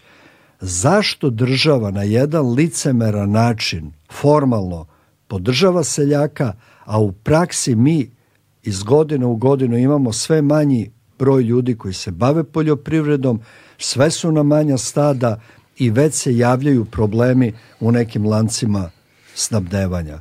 Dakle, ako imamo odgovornu vlast, ako ta vlast prepozna misleće ljude iz različitih stručnih istraživačkih sfera, ako vlast uključi te ljude u proces kreiranja strategija, ono što se popularno kaže održivi razvoj, ako iskoristimo domaću pamet, imamo šansu da se pozicioniramo u vremenu koje dolazi. I ja bih e, izrazio svoj skepticizam da nam strani eksperti koji eto tako dolaze pa se pompezno najavljuju kao pre neko veče neki dečkić iz Norveške koji je neki savetnik nekog ministra njihovog za energetiku, on sa predsednikom naše države govori o strategiji energetike naše zemlje. A mi imamo čitav niz ljudi u Srpskoj akademiji nauka, u Akademiji ženskih nauka Srbije, na srpskim univerzitetima koji su svetski referenti, referentni eksperti u domenu energetike i pokrivaju čitavu paletu energetskih problema. Dakle, treba nam otrežnjenje i treba nam mnogo iskreniji i konkretniji odnos državnih institucija prema našim naučnim istraživačkim institucijama i prema čitavoj javnosti. ovaj, da stvar bude još depresivnija. um, u neko je jednom prilikom rekao kad već pominjete politiku i da se ozbiljne zemlje u ozbiljnim zemljama politikom bave, politiku doživljaju na ozbiljan način i tom politikom se bave vrhunski znalci. Neko je jednom prilikom rekao da u ozbiljnim zemljama na površinu isplivavaju najbolji, a kod nas oni koje je najmanje sramota. Ovaj, što nekako se pokazuje u praksi kao vrlo tačno s jedne strane. S druge strane, upravo govoreći o sposobnom kadru, govoreći o obrazovanju, govoreći o selima, mi smo radili skoro epizodu koja se, pošto relativno često radimo epizode koje se bave obrazovanjem, u kojim su bili Dejan Ilić i Jasna Janković, na primjer, predsednica ovaj, um, sindikata prostih radnika koja, jednom priliku, koja je u tom razgovoru ljudi mogu da poslušaju, izjavila, kaže, ako njoj sin njoj rekao, kaže, mama, ti si pametna žena, zašto radiš u školi? Ovaj, gde mi imamo, gde, gde se nama u uh, godišnji gas između 30 i 50 škola godišnje se gasi u Srbiji, a kada ti u selu ugasiš jednu školu, ti si zapravo to selo sudio na smrt. Znači, to selo više ne postoji.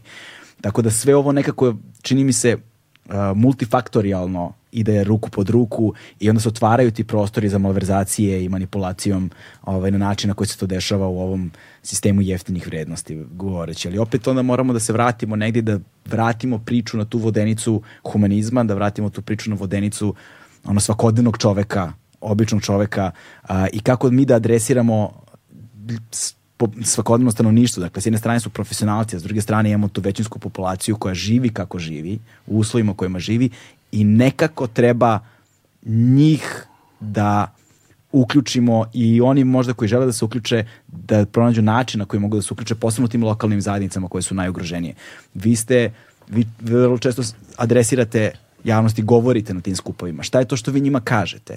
Kako ljudi na tim lokacijama reaguju na vas i šta je to što vidite u njima kada razgovarate sa pa njima? Da, nešto kaže, moj utisak je ovako. Ja nadam se, a mislim i verujem da govorim tako da može svako da me razume. Znači, jednim rečnikom da, mislim, koji je jednostavan. Ali uočila sam da postoje ljudi dođu oni koji hoće to da čuju. Znači oni unapred su, kako da kažem, e, razmi, razmišljaju na sličan način. Ali postoje ljudi koji neće to da čuju. Mm. Koji jednostavno ignorišu. I mislim, ja ne znam kako se do tih ljudi dolazi. Ja stvarno ne znam. Ove, zato što ne možete vi nikoga da vučete za rukav i da kažete ajde dođite, dođite, pusti me, molim te. Onda vi vidite vrlo često i na televiziji ovaj, kada prikazuju ovaj, razgovore sa usputne razgovore sa prolaznicima u gradovima po Srbiji koje kakve gluposti. recimo u, u, tu gori, gori, kažem, pod nogama u gornjim nedeljicama i onda u Loznici se dešava da dolazi predsednik da razgovara tamo u opštini Loznica i onda jedan čovek, oni ga pita i on kaže, ja sam samo došao da ga vidim. I tu se završava i sav sam srećan što ga vidim. Kao Koga da da vidi vidi? filmskog glumca, predsednika. Tako da tu se završava, tu jednostavno, kako da, ti, kako da kažem, tu jedan vakum postoji između nas i njih. Znači, to je isto tako stvorila se jedna ozbiljna, velika podela u državi, koja nije do sad bila, stvarno nije bila, do te mere, razumete. Zato što tu imate mnogo neobrazovanog sveta i to ovaj, vlastima našim odgovara da drže neobrazovano stanovništvo, da drže e, obrazovanje na jako niskom nivou, jer mislim čovek koji je obrazovan, on, je, on se uči da razmišlja svojom glavom, a ne da će da dobije 100 maraka e, da ga časti država, to je i tako dalje, ili će da dobije, ne znam, 5000 dinara, ili ovo i ono i sav je srećan i zadovoljan. Koji je to stepen svesti kod ljudi? Koji je to stepen? Ali oni su podobni. Oni su glasačka mašina. Znači mi smo kako god okrenete u manjini i vlast lepo trlja ruke. Da. Baš divno. A koji je odnos između onoga što vidite u gornjim nedeljicama sa stanovništvom tamo i onoga što vam se dešava u Beogradu?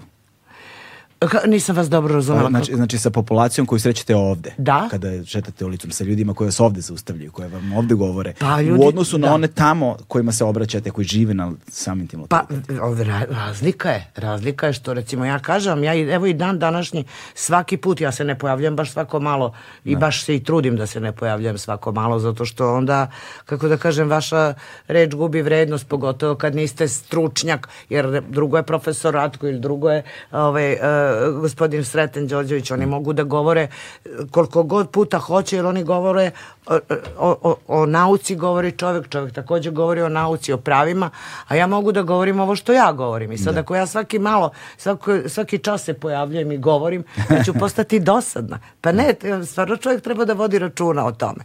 Tako da, ovaj, hoću da vam kažem, ali bez obzira što se ne pojavljujem tako često, svaki dan, evo do dana današnjeg, na ulici srećem i to različitih od mladog sveta do recimo ljudi moje generacije, ovaj, koji e, eto tako daju podršku, ali mislim se, ja kažem pa dođite, a sad gde da ih zovem kad ja ne organizujem te proteste, razumete? Da. Pa dođite, dođite, mislim. Da. E, Imate i pojam, zove se interpasivnost, način na koji mi zapravo doživljavamo, E. posebno kroz društvene mreže, ovaj, da smo lajkovanjem, šerovanjem, ne znam, učinili nešto. Imamo to kao ventil koji smo, kojim smo oslobodili malo sebe i onda ne moramo da se pojavimo nigde. Svi će da kažu na internetu, evo, prijavili smo se da učestvujemo na protestima, 200.000 njih će da kaže, a onda će da se pojavi 2.000 njih. Ali opet, u Beogradu će naravno proporcionalno taj broj biti mnogo Da. veći, ali šta je sa Valjevom, šta je sa Borom, šta je sa Kornim nedeljicama. A na ove pro... e, pa dolazili su ljudi iz Valjeva, mi smo se, čini mi se, tamo videli e, ovaj, e, sretene, je li tako? Sa, sa Ispred predstav- televizije kad smo bili. Ovde u Beogradu. U Beogradu, da. Isto su dolazili ljudi iz Valjeva, dolazili. I smisli, i to bi trebalo okupiti prosto da svi dođu u Beograd, jer Beograd ima najviše prostora da se tu ovaj, okupe, okupimo svi, Da. razumete. Ali, hoću da kažem, s druge strane, stalno je ovaj, postoje niz još drugih protesta koji isto ljudi imaju pravo da protestuju i ne protestuju tek tako besa radi. Ali ovaj, to su sve manje, manje, manje grupe i onda ljudi i tu gube snagu i gube nadu. To je najgore što gube nadu. E, pa da, zato... O- to se sve tako radi namerno.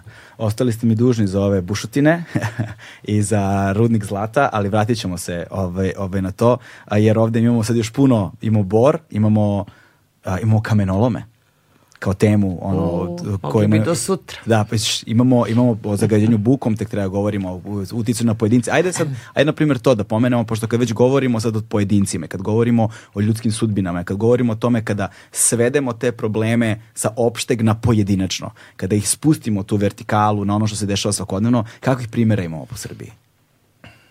Imamo na Paliću jedan, pa, tako?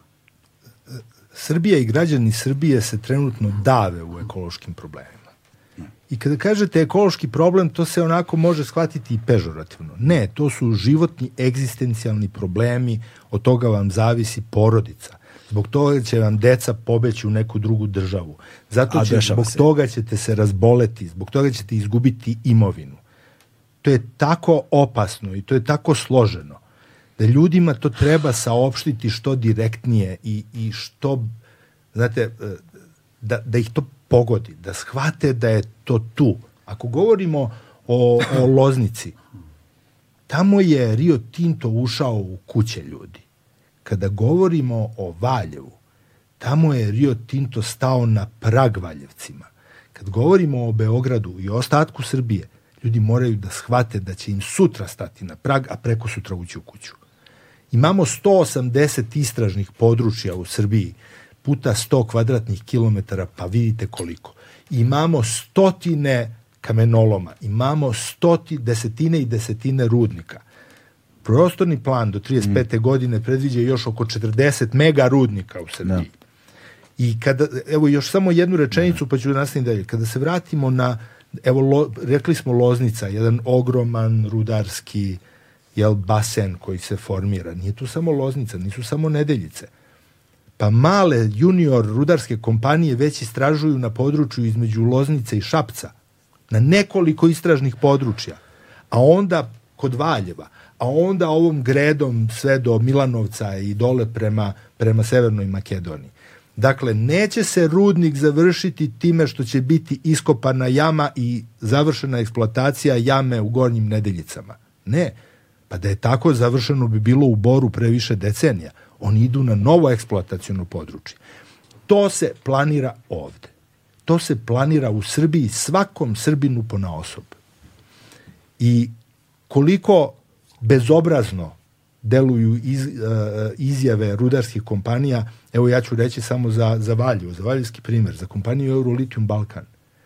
Oni u javnosti saopštavaju da ne žele da grade rudnik, nego da se u Valjevu, u Valjevskom kraju bave istraživanjem potencijala održivog razvoja Valjevskog kraja. A onda, u njihovoj studiji o rezervama i resursima, prvoj, drugoj rezer, reviziji, piše eksplicitno planira se površinski rudnik, rudno telo do sad je istraženo obuhvata 30 kvadratnih kilometara, pošto imaju gornju zonu do, na dubini od oko 70 metara, planira se površinski kop površine 30 kvadratnih kilometara, podzemni kop koji ide dole ispod na dubini od 300-400 metara i tako dalje, pored rudnika, rudarsko-topioničarski e, e, ovaj, ba, odnosno postrojenje za preradu fabrika za preradu bora i litijuma. Pošto im ni to nije dovoljno, pored toga fabrika sumporne kiseline. I pošto je to tesno, oni planiraju da dislociraju tok reke Kolubare, da izmese postojeće putevi infrastrukturu i da rasele stanovništvo. Privatne objekte i svi poslovni objekti do Valjeva treba da nestanu.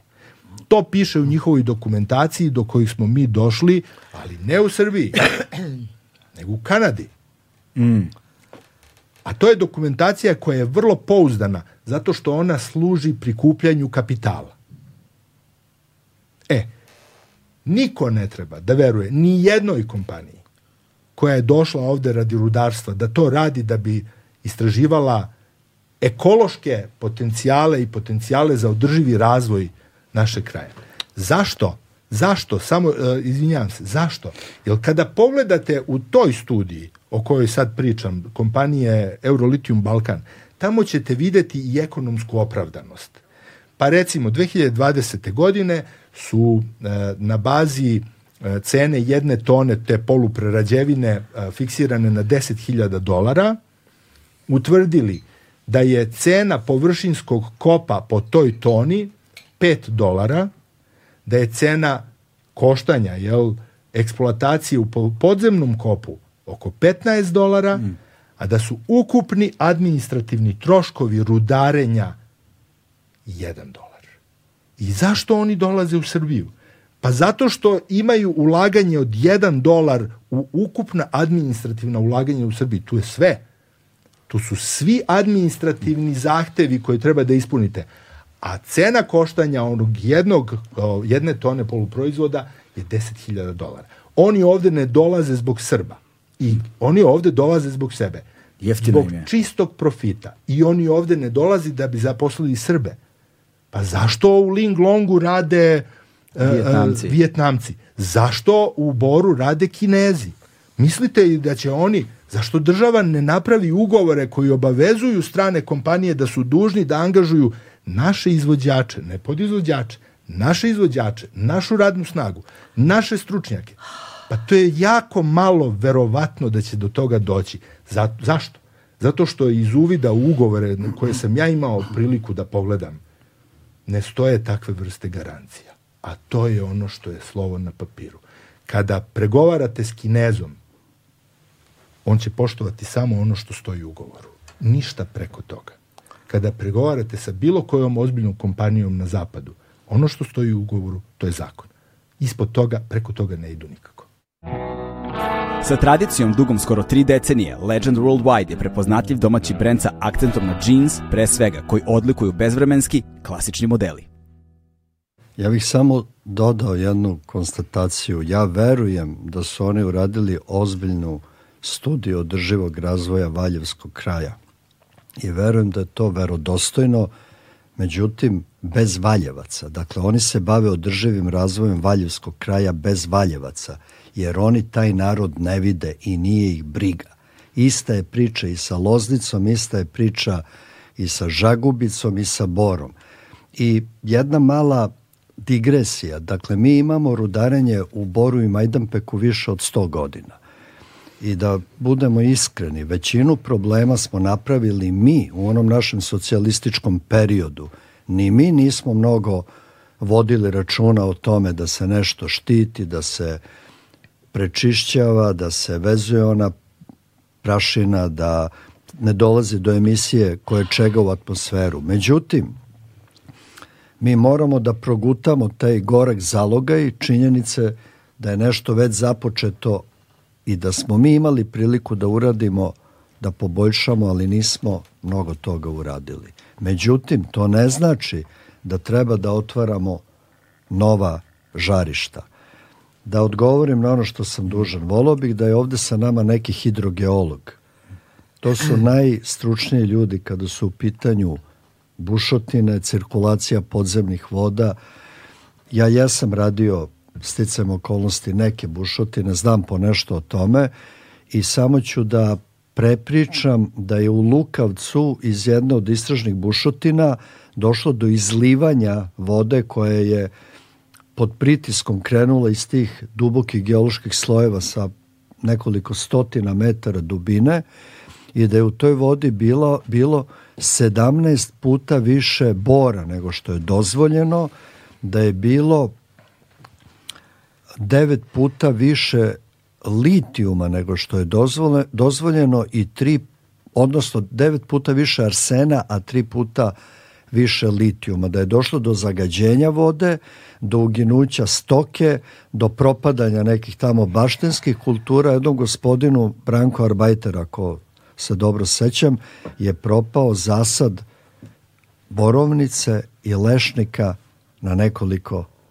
hektara, upravo zbog te kontaminirane vode. A to je samo faza istraživanja. Da, a i to je bušotina od ono nekoliko desetina centimetara. To je FI 150, da, da. 150 mm. Dakle, to je samo faza istraživanja. Sad zamislite, ne daj Bože, da se realizuje projekat Jadar, pored Loznice, sad zamislite da se dnevno koristi 1100 tona koncentrovane sumporne kiseline. To piše u studiji Rio Tinta da se nekoliko desetina eksploziva na dnevnom nivou koristi da bi se u toj podzemnoj eksploataciji drobila ta jedra masa u dubini zemlje da bi moglo da se iznosi gore i da se obrađuje, pa čak u studiji piše da će doći do sleganja 850 hektara terena. Sad zamislite deponiju koja je visoka 60 metara, dugačka 900 metara, široka 250 metara, koja leži na najkvalitetnijim rezervama podzemnih voda u Srbiji. I kada pitate ove genije koji brane taj koncept, oni kažu biće postavljena geomembrana debljine 1,5 mm i to će sigurno da zaštiti. Pa kada pitate, a šta kad se izlije Jadar, koji je tipična bujična reka, a deponije u priobalju Jadra, oni kažu pa bit će neki nasipi.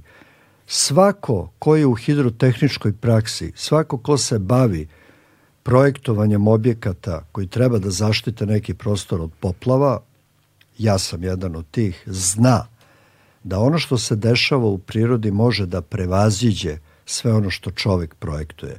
Imamo brojne primere svake godine.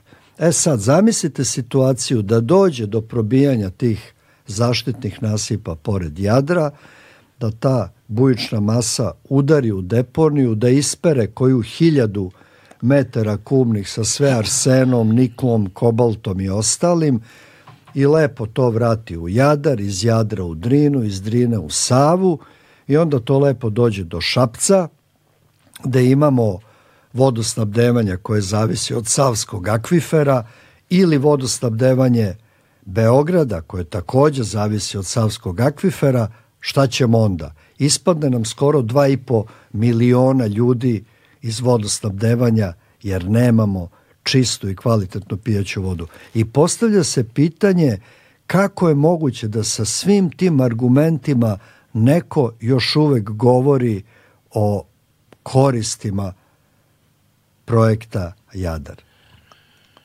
Koliko se ja sećam, profesore, a vi mi pomozite, ja sam takođe imao uvid u, bro, u dokumentaciju uh, Rio Tinta.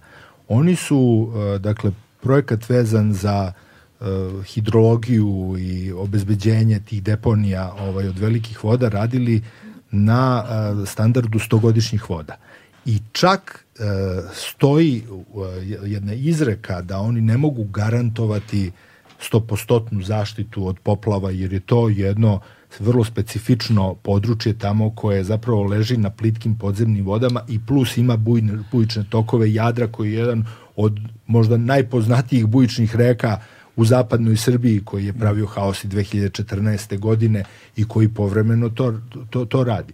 Dakle, oni sami priznaju da ne mogu da obezbede tako ogromne jel, objekte kao što su deponije rudarskog otpada od dejstva velikih voda, ali ipak nastavljaju jel, u realizaciju tog projekta da bismo u javnosti od najviših državnih zvaničnika i pojedinih stručnjaka koji su zapravo lobisti tih kompanija čuli mm. da će to sve biti urađeno kako treba i da se radi po najrigoroznijim evropskim ili svetskim standardima. O, to nas sad nužno vodi na teren a, teme jedne koje, ne znam, jeste li Svetlana čuli za ono što nazivaju zone žrtvovanja, sacrifice zones. Da, čula sam. Na, čula. ovaj, što... Ja pa izvinite, pre nego što sam čula, ne. Za to ja sam sama rekla pa mi smo žrtvovani. Nisam znala još koliko drugih zemalja ima, nisam razmišljala o tome, ali znam, videla sam neke rudnike te vrste. Mm, da. Ovaj, snimljene. Ovaj, da. Ja sam juče pročitao izveštaj koji mogu ljudi na Google da pronađu vrlo lako, samo ukucaju uh, Sacrificed Zones i ukucaju Serbija i treći, četvrti Žrtovane rezultat zone. na Google će da im bude. Da. zvaničan izveštaj ovaj, u kojem je učestvovali, učestvovali Ujedinjene nacije. Dakle, um, gde je navedeno prvih 50 zemalja i kako oni kažu u samom izveštaju, ne nužno ovaj, a, naj, najugroženijih, ali oni koji su kao paradigma dobri primeri a, sistem, sistematskog uništavanja koje se dešava na teritoriji na planeti Zemlje ukupno. Ovaj, I Srbija je tu. Srbija je tu. Vi biste mogli možda malo detaljnije govoriti o tom fenomenu, ali pre nego što pređemo na taj fenomen, ono čemu ja razmišljam stalno, pošto su se ovde otvorile još neka polja optimizma koje nikako da dotaknemo, ali ćemo ih se dotaći, ali bih započeo to sa vama pre svega. Jer tu sad u velikom u velikoj meri su javne ličnosti tu važne. Ovom prilikom bih iskoristio i pozdravim Bojanu Novaković ili Novaković, sad ne znam kako se akcentuje. Yeah. Ona je recimo puno, puno čini i učinila u, u yes. domenu da se, da se čuje zapravo za to, da se mobiliše ogromna populacija, ne nužno samo na našim prostorima. Ovaj, javne ličnosti nose taj, nazovimo, socijalni kapital. Neko ko ima ime i prezime i karijeru i reputaciju, neko ko je, kako Ameri vole da kažu, household name, znači neko ko je vi ste praktično član porodice svima nama. Da, da, da. da, da Već decenijama unazad. A, koliko, zbog čega imamo tako, mislite, ma, ja, mali odziv javnih ličnosti vašeg kalibra koje bi zajedno mogli da kreiraju te neki on, ovaj, uh, uh, kako bih to rekao, simbiotički efekat koji niko od vas po osob možda da. nema sam za sebe. Pa evo ono malo čas kako ste da. rekli, pasivna...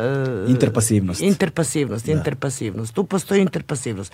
Ja znam mnogo ljudi, mislim... O, koji, Sad vama kažu privatno kada sedne Da, bome, isto ovako, isto razgovaramo kao mi sada što razgovaramo, ali kad god treba da se, ovaj, mislim, javi se mali broj. Mali broj se javi da, mm. ovaj, da, da se pojavi na mitingu, da razumete jako mali broj, jer oni kažu pa, ili ne znam, pa to je ta inertnost neka, Kada se ona desila? Šta se tu desilo? Za, za, mislim, uopšte, to je nešto što ja pokušavam da razumem, prosto razgovaramo, nemam, nemam ideju. Ljudi su izmrcvareni, izmrcvareni. Ili ovi koji su mlađi pa nisu stigli da budu izmrcvareni, oni su pristali tako da, da, da će neko drugi uraditi to, razumete, umesto njih. Nema, a ima i to još, što kažem, e, kod nas u Srbiji ono, nek ti nije došlo u tvoje dvorište, ti ćutiš. A to je tako u našem mentalitetu, nažalost, nažalost, razumete? Ne. Ali, ovaj, ne znam što da kažem, ne znam. Mislim, ako to se sve uradi, ovo što se planira, pa bit će kasto za sve. Više smo gotovo. Ne. Onda je gotovo, onda više nema šta da se buniš. Mm. Šta? Profesore, šta su zone žrtvovanja? Moram da se nadovežem opet na ono što je Ceca rekla, ona se ogradila da nije stručna i da ne treba puno se pojavljuje u javnosti. Međutim, naprotiv, Ceca nosi jedan javni senzibilitet koji svi mi razumemo i njene emotivne poruke često imaju veću težinu od onoga što mi stručno elaboriramo. Ja bih apelovao na nju da se što češće pojavljuje. Ona nikad nikom neće dosaditi.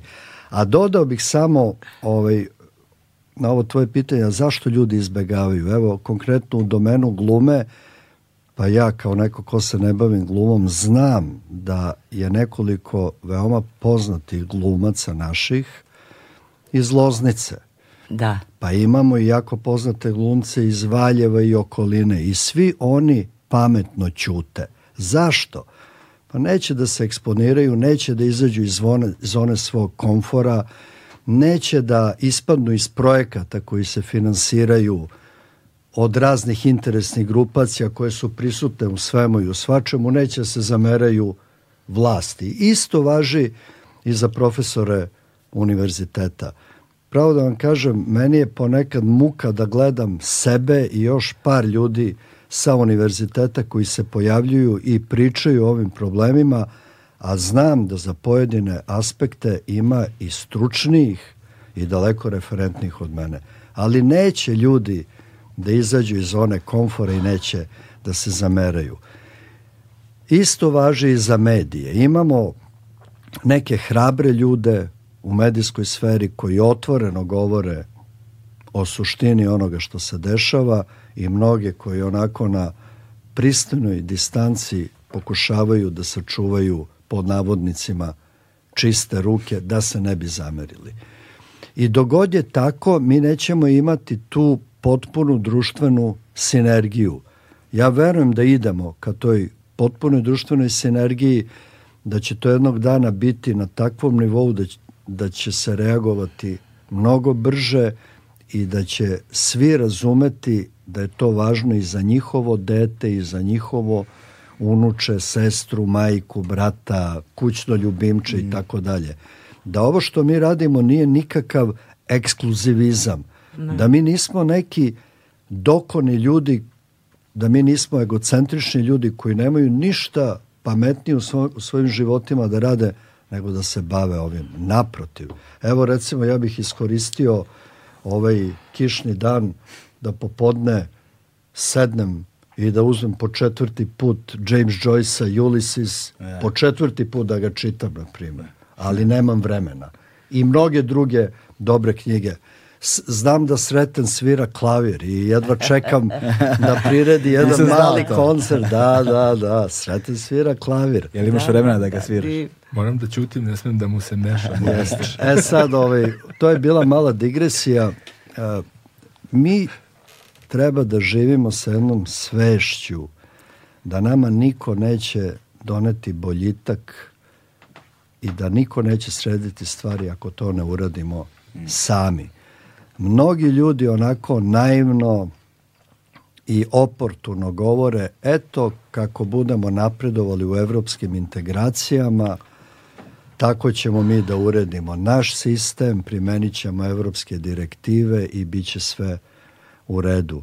Jedan od e, najvećih zagovornika Ujedinjene Evrope zvao se Denis de Rožmon, bio je švajcarac, filozof, futurista, sociolog i on je sa onim Robertom Schumannom koji je bio prvi predsednik one komisije Ugalj, drvo, jezgro, da, embrion 12 osnivača unije da. i bio je tu i onaj Arnold Toynbee, mm -hmm. istoričar, filozof istorije, engles čuveni i oni su, ajde da kažem, pre drugog svetskog rata bili neko noseće jezgru ideje Uniji. I taj Deni de Ružmon je rekao jednu fundamentalnu istinu. Kaže, Ujedinjena Evropa treba da bude zajednica apsolutno ravnopravnih evropskih naroda. I u toj zajednici se mora sprovoditi beskompromisna zaštita životne sredine. E sad, koliko smo mi kroz ovaj proces priključivanja tretirani ravnopravno, koliko su naši uslovi bili uslovi za neke druge, mi to najbolje znamo, a kakva nam je životna sredina, takođe znamo. E sad, globalni okvir zaštite životne sredine su takozvane Rio konvencije. To su konvencije Ujedinjenih nacija o klimi, o dezertifikaciji, odnosno degradaciji zemljišta i o biodiverzitetu. I one su osnov za sve evropske direktive koje tangiraju problematiku zaštite životne sredine, a svi naši zakoni se prilagođavaju direktivama. Projekti poput ovog u Jadru, pro, poput ovog Potejčuka Tisnica, koji je planiran kod Žagubice. Poput... izvini, 1100 bušotina uh, izbušeno u prethodnih 10 godina. 1100 primenjenih geoloških bušotina izbušeno. E, dakle, svi ti projekti i desetine ovih drugih koji se planiraju su direkta negacija Rio konvencija a sve zemlje članice Ujedinih nacija su ratifikovale te konvencije i obavezale se da ih sprovode. Praktično te konvencije imaju snagu međunarodnog pravnog propisa mm -hmm. u domaćem zakonodavstvu. A mi ih aktivno kršimo kroz čitav niz projekata. I šta kaže prosvećena Evropa na sve to? Pa ona nas ohrabruje da mi to kršimo. Zašto nas ohrabruje? Zato što Evropi trebaju naši resursi. I imate izjavu Angela Merkel koja kaže mi smo zainteresovani za srpski litijum. Imate izjavu Martona Ševčevića, to je potpredsednik Evropske komisije, zamenik ove Ursule von, von der Leyen, koji kaže da Evropa treba do maksimuma da iskoristi sve raspoložive resurse kako bi smanjila zavisnost od Kine kada su u pitanju redki mineralni resursi. I onda imate izjavu Thierry Bretona, to je neki sekretar Evropski za unutrašnju trgovinu, koji govori o tome da Evropa treba i na teritoriji Evropske unije, a posebno na teritoriji zemalja koje su kandidati ili imaju ambiciju da uđu u Uniju, da iskoristi sve te potencijale i resurse. Pritom, Nemačka ima ogromne količine litijuma. Engleska, Francuska, Češka, Finska, Portugalija, svi oni imaju litijum, konkretno u ovom slučaju, kao i neke druge metale i nemetale, ali akcenat je na Srbiji. Zašto? Zato što nas vide kao zemlju sa visokim koruptivnim potencijalom, zato što nas vide kao zemlju sa niskim ili gotovo nikakvim standardima zaštite životne sredine, što Sreten reče na celu teritoriju mi samo tri neka rudarska inspektora imamo. Ja znam iz prakse da mnogi ekološki inspektori ne smeju da napišu svoje izveštaje šta zateknu na terenu.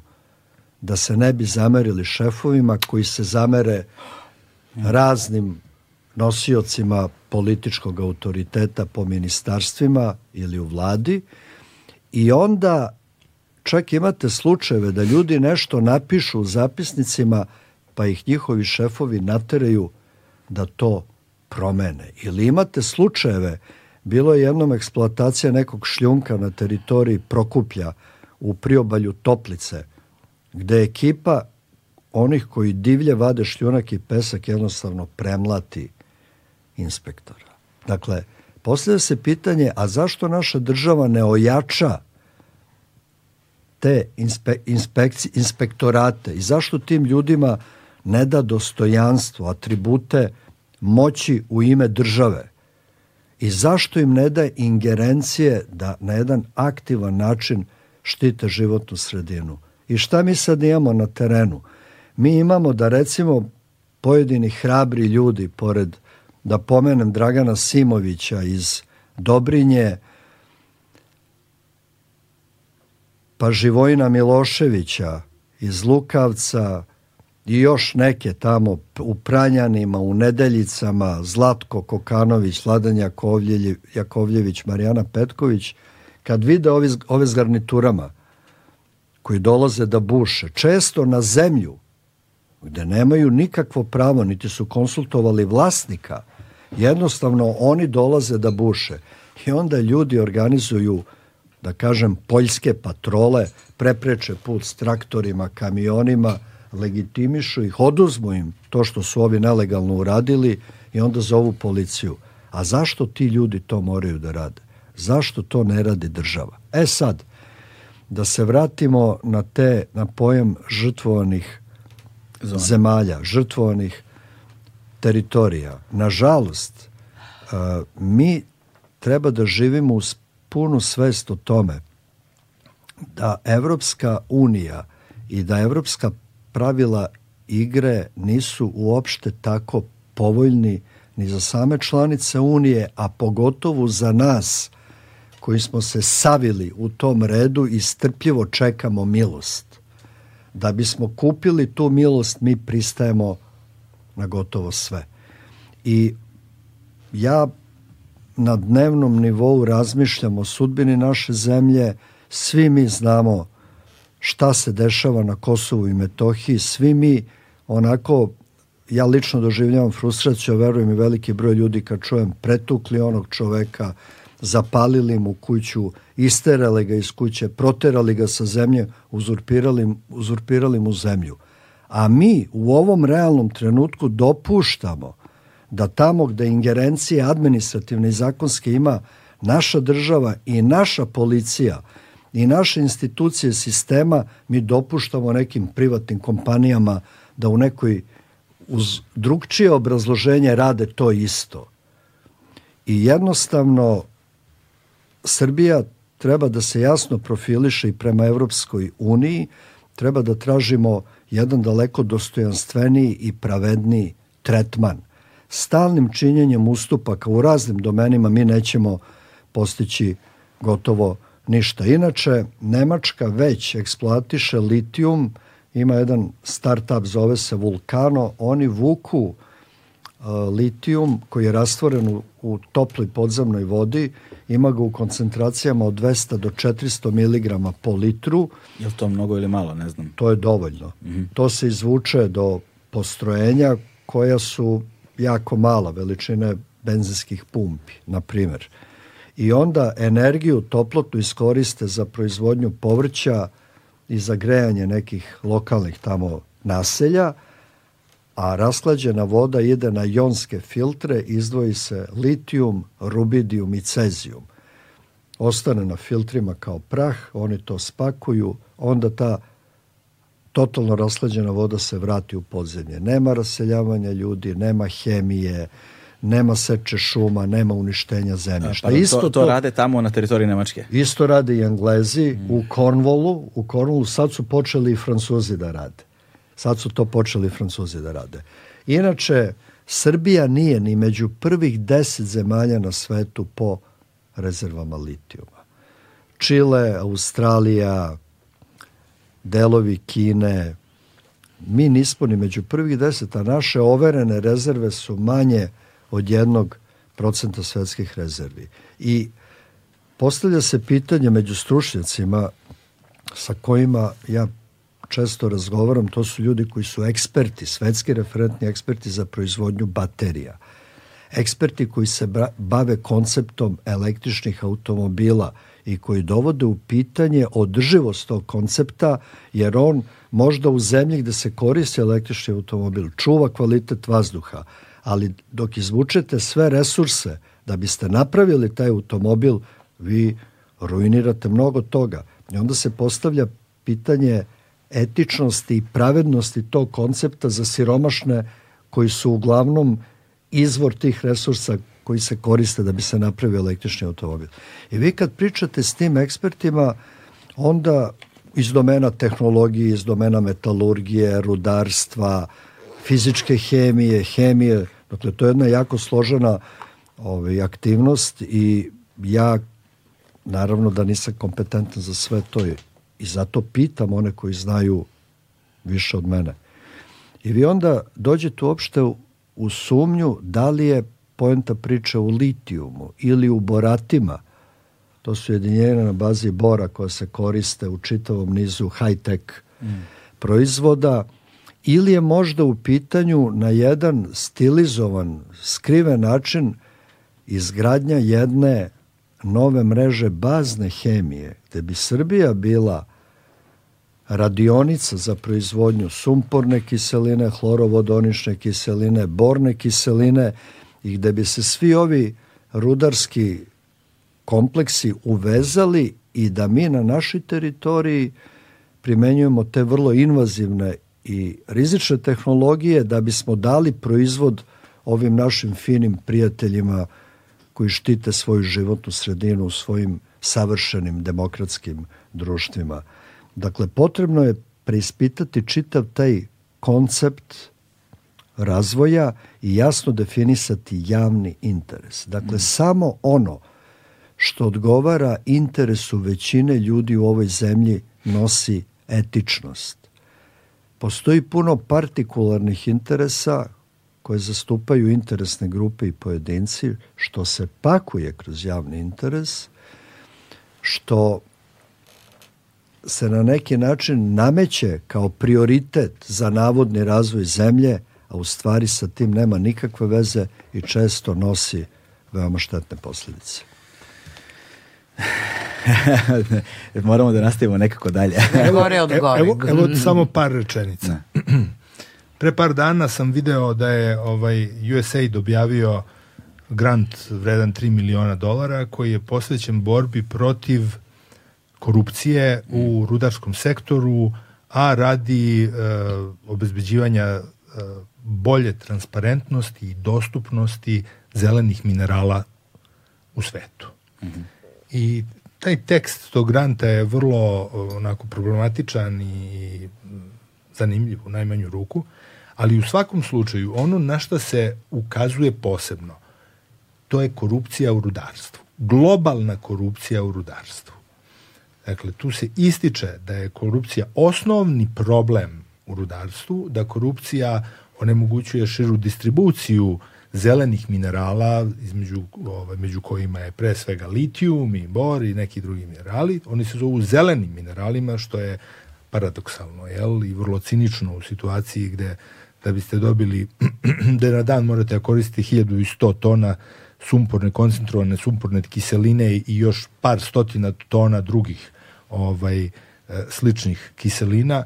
A, fokusirano je sve na korupciji i oni se pozivaju na izveštaj uh, OECD-a za 2021. godinu koji identifikuje korupciju u uh, rudarstvu kao, kao takvu, jel, kao smetnju daljem razvoju i realizaciji zelenog plana, jel, kako to sad oni zovu u Evropi. Uh, ili zelene tranzicije, jel, ka, kao mm, obnovljivim da. izvorima energije i tako dalje. Kada sam pre godinu dana, malo više, verovatno, više, uh, imao prilike da razgovaram sa, sa jednim našim čovekom, poreklom iz, sa naših prostora, koji se u svetu bavio rudarskom industrijom, prva rečenica koju mi je rekao, kada smo se upoznali u kancelariji, rekao je, rudarstvo počiva na korupciji.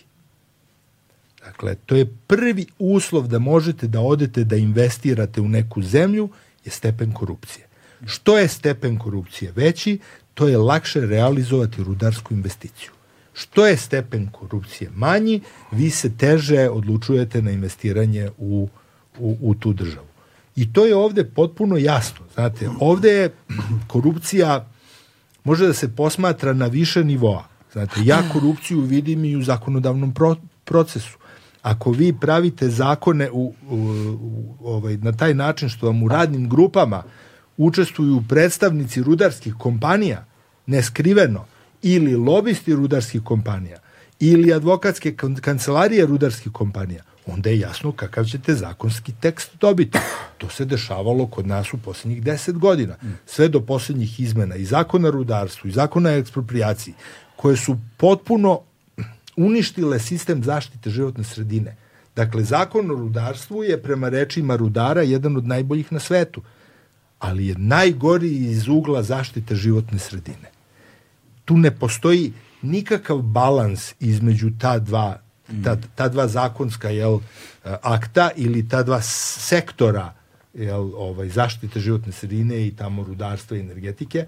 Tako da mi ovde dolazimo u situaciju da kroz razne koruptivne mehanizme vi polako dobijate zakonodavstvo koje je potpuno u korist rudarskog sektora, a kada se sutra usprotivite, neko sa političke ili sudske funkcije će reći, ali ovo je u skladu sa zakonom. Da. A taj zakon je umeđu vremenu podešen da bi omogućio nešto tako.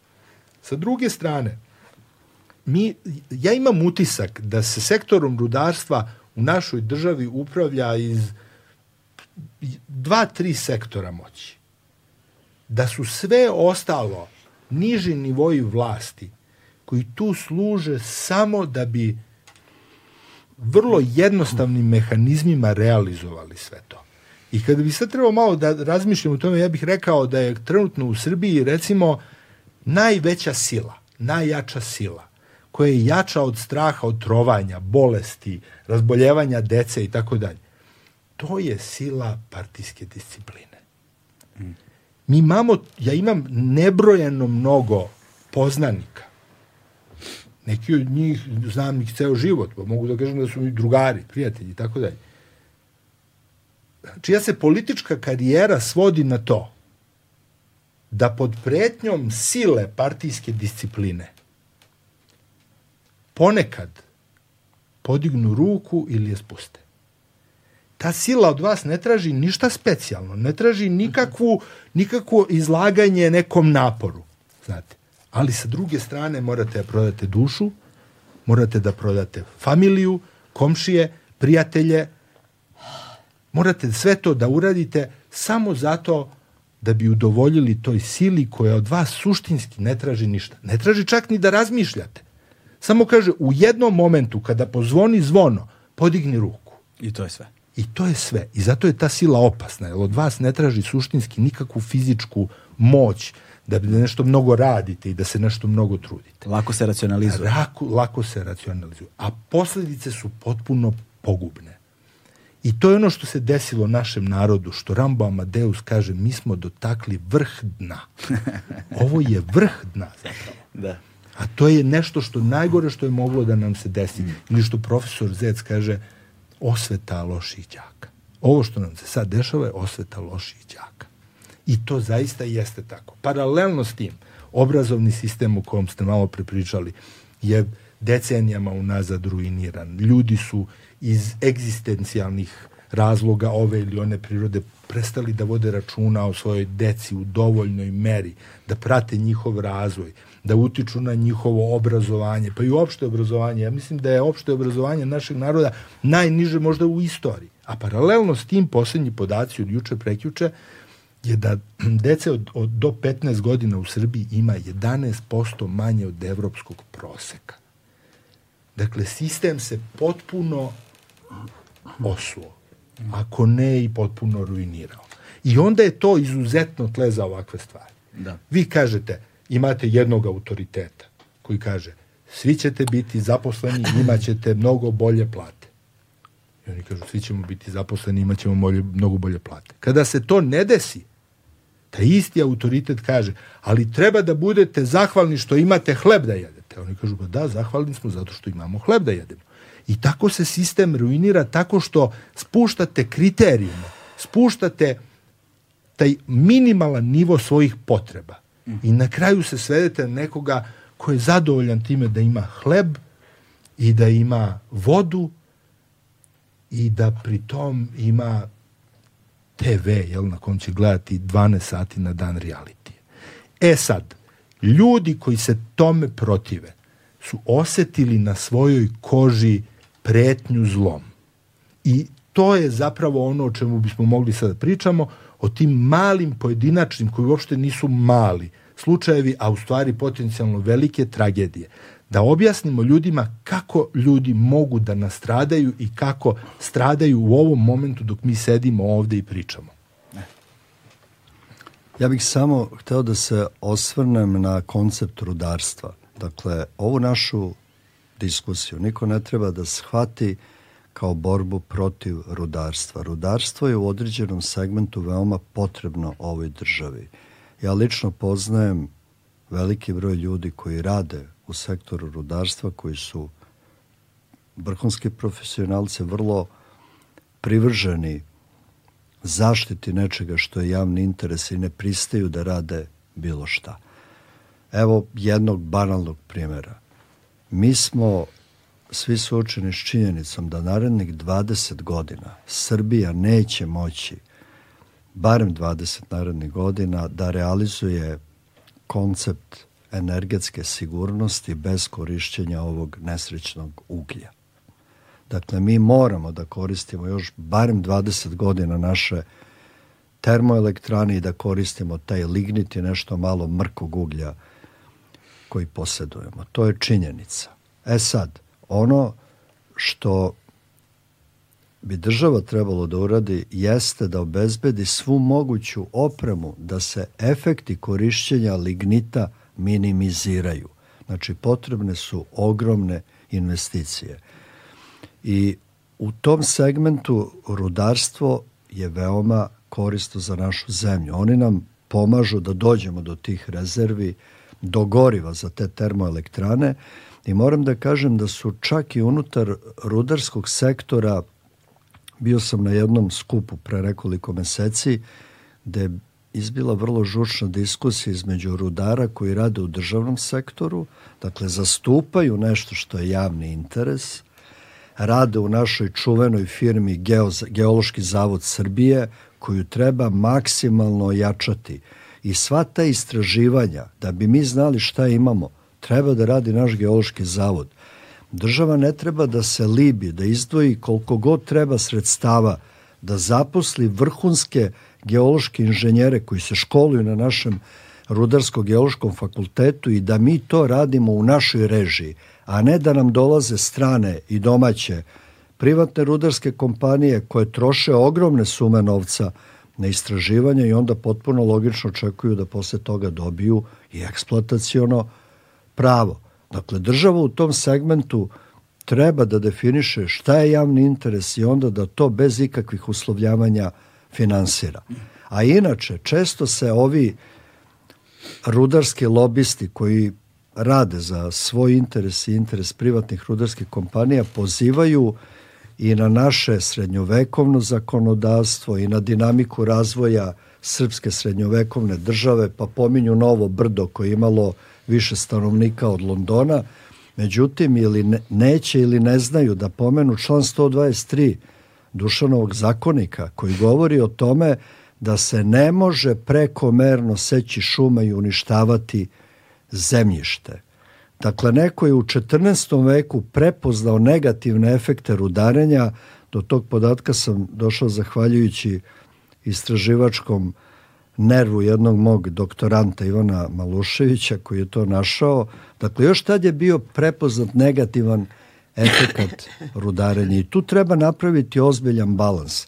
A inače ono što se dešava u Srbiji, pogotovo taj otpor Rio Tintu, da je napravljena jedna vertikala od Srpske akademije nauka i umetnosti, univerziteta, javnih ličnosti, novinara, glumaca, običnog naroda, aktivista, desilo se nešto što je privuklo svetsku pažnju. Ja lično sam, a verujem i mnogi koji su bili u to involvirani, davali smo intervjue različitim televizijama, novinama i tako dalje. I pre neki dan dobio sam iz Japana od novinara Hiroakija Miyagave koji radi za Mainichi Shimbun jedan vrlo detaljan članak o otporu srpskog društva protiv jedne invazivne rudarske kompanije. Rio Tinto ima taj oreol na globalnom nivou. I pitao sam Japanca, pa dobro, da li je moguće da ste vi došli iz Japana u Srbiju da intervjušete nekoliko ljudi po tom pitanju? Kaže, da. Ja rekao, zašto?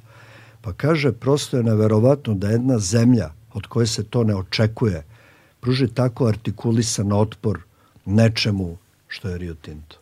Isto mi je rekla i novinarka švajcarske državne televizije koja se zove Katja Šajer i upotrebila je frazu zemlja od koje se to ne očekuje. Bile su brojne ekipe iz Francuske, sa državnog radija, sa državne televizije, iz Nemačke, iz Hrvatske i davo sam intervju kao i ostali učesnici u ovom pokretu a, britanskom časopisu Guardian. I oni su jedini napravili jednu onako sramnu reportažu gde su nas predstavili otprilike kao neko pleme urođenika koje ni samo ne zna zbog čega se buni. Ali to je potpuno razumljivo ako znate da je to dominantno britansko-australijska kompanija, ako su brojni predstavnici establishmenta Velike Britanije bili izvršni direktori Rio Tinta, ako su mnogi deoničari Rio Tinta toliko, toliko o njihovoj percepciji da na jedan principijelan način zastupaju i predstavljaju prava i nekih drugih koji žive van Engleske. Sada, kada već, sad ćemo da se pređemo na ovu, ove pojedinačne slučajeve, jer mi je to važno, pa onda na, za poslednji deo da ostavimo malo taj prostor za jednu, op, jednu nadu, za jedan optimizam, zato što mislim da ga ima zapravo dosta. Valjevo je jedan primer, a, o kamenolomima nismo ništa rekli, ali Kosjerić je drugi primer. A, takođe, a, pri, okolina Prijepolja je dobar primer posle koliko, 10 godina borbe, tako su se izborili na limu, doći ćemo, jel te, od toga samo bih voleo, recimo, Svetlana, sa vaše strane, kad već govorimo o tom javnom prostoru, jel te, i kada govorimo, evo, ja sam dalje fasciniran kako vi pamtite nazive svih tih novinara i medija, posebno japanskih, ovaj, koji u mojoj glavi deluju potpuno obskurno, ali nekako, ono, zaista svaka čast, ono, oduševljen sam time, ali s druge strane, kako izgleda naš javni prostor? Mislim, mi kolokvijalno negde znamo, ali vi ste ti koji ste praktično celog života proveli u javnom prostoru. Uh, I mi smo uvek imali problema sa tim javnim prostorom na ovaj ili onaj način. Ali kakva je situacija danas? I da li se to odražava negde možda i na vašu karijeru, što posledično može da bude i razlog nereagovanja vaših kolega? Pa, što se tiče, da, pa javni prostor se ništa tu nije promenio. Naročito. Godinama, godinama. Ta neka, kako da kažem, situacija vas da je postojala. Sad je možda više, ne, ajde da, da budem optimističnija malo, ne. mislim, što ne. kaže profesor Ratko, sada je nekako se više ljudi imam utisak probudilo i, i, i da će se još više buditi u smislu da postanu aktivni da mm. postanu aktivni u svojim protestima, u svojim oglašavanjima. A što se tiče uh, to, teh nekih posledica, uh, Znate šta je najgore? Najgore su oni sitni lokalci po Srbiji mm. koji se osjećaju da su neka vlast i koji hoće na te, da urade nešto što se čak od njih i ne traži. Tako da do sada znam tri puta se desilo da jedna predstava koju mi igramo ne ide upravo zato što ja učestvujem u njoj. Da.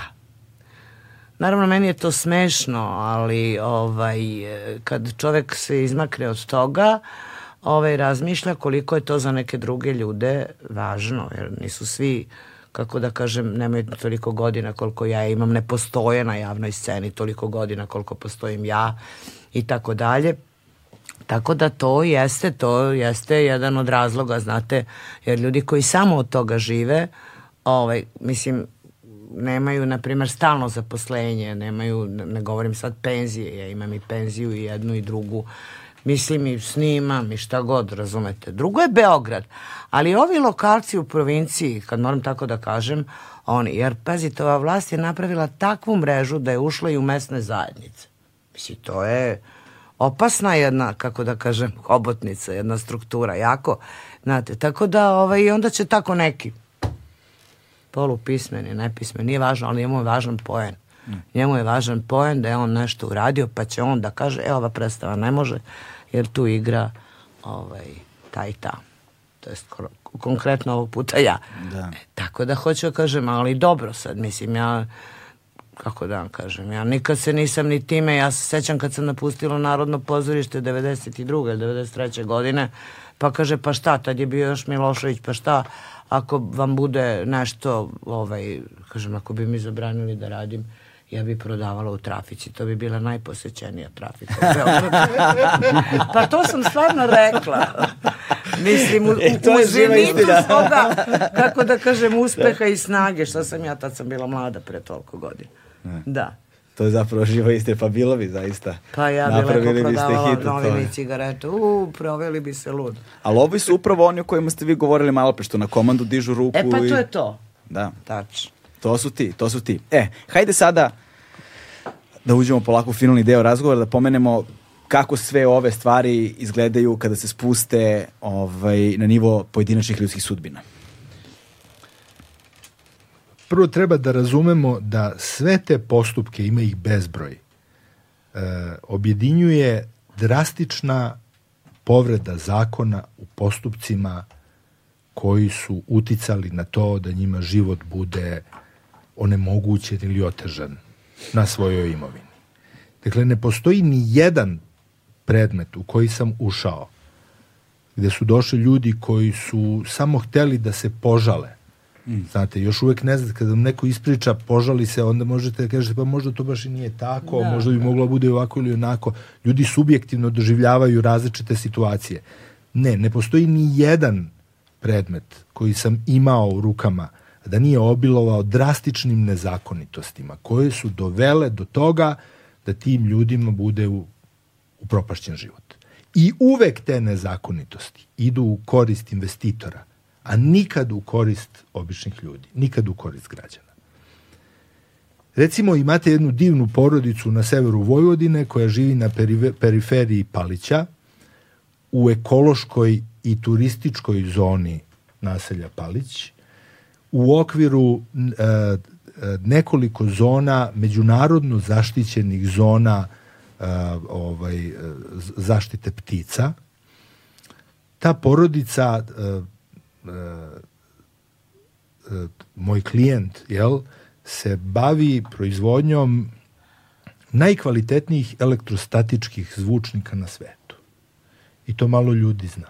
On je inače inženjer zvuka po profesiji i oni su upravo zbog toga se nastanili u jednom potpuno uh, mirnom, tihom delu Palića, jel, uh, uvereni da, su, da će tu biti zaštićeni zato što su to za, zaštićene zone po više, ovaj, uh, na više načina.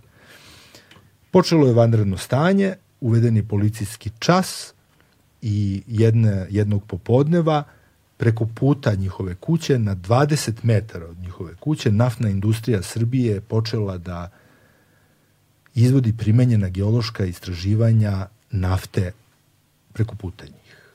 Znači, postavi se onaj toranj, buka je nepodnošljiva i to je trajalo mesecima. Znate šta je tužno? Ta porodica je izašla na ulicu i pozvala policiju da ih zaštiti od tih nezakonitih aktivnosti preko puta njihove kuće. Kasnije smo utvrdili da je sve apsolutno nezakonito. Policija je došla i zapretila im da će ih pohapsiti zato što krše mere policijskog časa. Mm. Nekoliko meseci su bili zarobljeni u toj kući, gledajući šta im se dešava preko puta. Akreditovana laboratorija je utvrdila oko 70 decibela u noćnim uslovima.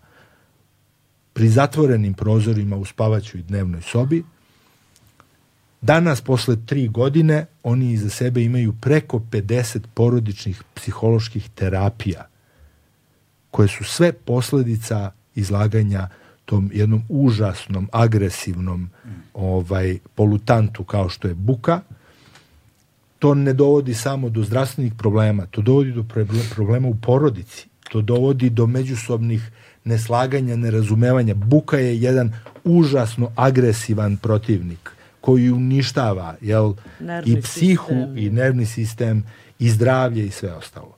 Taj postupak traje eto već koliko, dve, tri godine. Pa da kad su znate šta, je, znate šta je bitno? Bitno je reći da je moja kancelarija podnela tužbu protiv naftne industrije Srbije sa predlogom za određivanje privremene mere. Po našem zakonu ročište po predlogu za određivanje privremene mere određuje se u roku od 8 dana. Tek posle godinu i po dana osnovni sud u Subotici je odredio prvo ročište. Tek posle godinu i po dana. Umeđu vremenu su oni imali 40 i nešto uh, terapija, porodične psihoterapije. To je, to je recimo primer o kome malo ko zna, ali takvih situacija imate koliko hoćete. Evo ovde pored Beograda, u, u Surčinu. U Surčinu postoji u samom gradskom jezgru uh, uh, postoji jedan stari mlin, a zapravo uh, na, na području tog mlina su postavljeni novi silosi za skladištenje ovaj, žita. Jel? Mm. Preko, preko puta E, živi porodica koju ja zastupam, taj mlin u sezoni e, punjenja tih mlinova proizvodi nenormalnu buku. Nenormalnu. Zavisno, zavisno od toga koju žitaricu stavljate. Što je krupnije zrno, to je buka nepodnošljivija. Mm. Taj čovek je imao restoran, u taj restoran su prestali da dolaze gosti, jer ni, ni moglo od buke da se tu živi. On se e, obraćao nadležnim državnim organima, između ostalog 11 puta je izlazio gradski inspektor za zaštitu životne sredine i 11 puta tokom perioda od dve godine je konstatovao da silosi, da preduzeće uopšte ne radi. Iako je moj klijent svaki put snimao rad silosa, i to opet prijavljivao i povodom toga je u toku neki krivični postupak ili predkrivični pred nadležnim tužilaštvom, ali je suština u tome da je to sve e, apsolutno u vezi sa korupcijom, sa mitom, sa činjenicom da je vlasnik silosa, vlasnik parcele i vlasnik silosa bivši gradonačelnik iz one druge vlasti, jel, odnosno predsjednik opštine Surčin, da su ovi novi u tako dobro i simbiozi sa onim bivšim Naravno. i da to funkcioniše tako dobro da republički, jel, odnosno ovaj gradski ovaj, inspektor za zaštitu životne sredine a, tokom dve godine falsifikuje svoje izveštaje tvrdeći da ta kompanija ne radi. Posledice katastrofalne. Posle godinu i po dana izlaganju bukom, moj klijent je dobio tinnitus, to je neizlečiva uh, neurološka bolest. On ima 24 24 sata na dan i imaće do kraja života jedan pisak u glavi koji ne može da prestane. To je na posledku dovelo do toga da je on sebe samo povređivao kada ta buka uh, ne može više da, da, da, kada on ne može da podnese tu buku i da izdrži. Sve do toga da smo pre par meseci dobili e, e, sudsko-psihijatrijsko veštačenje u jednom predmetu koji vodimo u njegovu korist, da je veštak konstatovao da on nije više sposoban da učestvuje u sudskom postupku. Dakle, to su posledice izlaganja buci, gde svako od nas, nesvestan zapravo realne opasnosti, je vrlo često izložen takoj buci, ne u takvom ekstremu, ali moramo da shvatimo – da je u jednoj rezidencijalnoj zoni samo jedna parcela izdvojena urbanističkim propisima kao parcela drugog ekonomskog sadržaja i da je to ta parcela na kojoj se nalazi nalaze ti silosi koji zagađuju bukom i ovaj ugrožavaju život i zdravlje ljudi tamo. Kada govorimo o toj parceli i parcelaciji, onda ne mogu da ne govorim o urbanizmu. Ja mislim da je trenutno u Srbiji najveći problem ove države koji rađa sva ova zla jeste problem planiranja, problem urbanizma i problem zakona o planiranju i izgradnji koji je pre nekoliko godina a, a, usvojen, potpuno novi zakon i koji je zapravo a, segment izgradnje, planiranja i urbanizma stavio iznad svih ostalih oblasti prava, odnosno iznad svih oblasti života jel, koje mi imamo. Tamo postoji jedna odredba koja je potpuno nezamisliva i koja kaže, to su prelazne, one završne odredbe zakona, u kojima se kaže da svi drugi propisi koji su u suprotnosti sa zakonom o planiranju i izgradnji neće se primenjivati osim propisa iz, iz oblasti zaštite životne sredine. Ali mi ne znamo šta su propisi iz oblasti zaštite životne sredine, jer to pravo nikada nije kodifikovano. A sa druge strane, ko je taj ko tumači da li je neki zakon u suprotnosti sa zakonom o planiranju i izgradnji ili ne. I sad kad govorimo o tom planiranju, onda da dođemo i do tog kamenoloma u Kosjeriću, Dakle, na jedan kilometar od sela, od, od samog Kosjerića, to je katastarska opština Kosjerić selo, dakle, samo Mm. To, je, to je turistička i pešačka zona Kosjerića na koji tuda u letnjim ili večernjim satima pešače. Jel? Tu postoji jedan zaseo gde živi preko stotinu ljudi, od njih stotinu 30 dece. 30 dece. I onda jedna kompanija jel, iz Beograda, koja se zove Gradina kamenolom, poželjala da na 15 metara od najbližih kuća samo ih deli saobraćajnica širine 7-8 metara, 6 metara. Izgradi jedan mega kamenolom i kada sam ušao u taj predmet i kada sam video o čemu se radi, onda sam shvatio da naravno to obiluje nezakonitostima i da se suštinski, ljudi treba da shvate, potpuno je nemoguće čak i u našem pravnom okviru dobiti dozvolu za izgradnju kamenoloma na 15 metara od naselja. Dakle, posledice buke, zagađenja vazduha, zagađenja zemljišta prašinom i tako dalje i tako dalje su toliko monumentalne da jednostavno ne postoji studija uticaja na životnu sredinu koja bi mogla da opravda takvu investiciju. To je, bukvalno je kamenolom, put i kuće. Mm. Šta se tu desilo? Sad vam govorim o tim flagrantnim primerima zloupotrebe službenih položaja. E, taj investitor je pred, opštinskim, e, pred opštinom Kosjerić zatražio da mu izda dozvolu za izgradnju unutrašnjih putnih saobraćajnica i platoa drobilice, jel? unutar kamenoloma.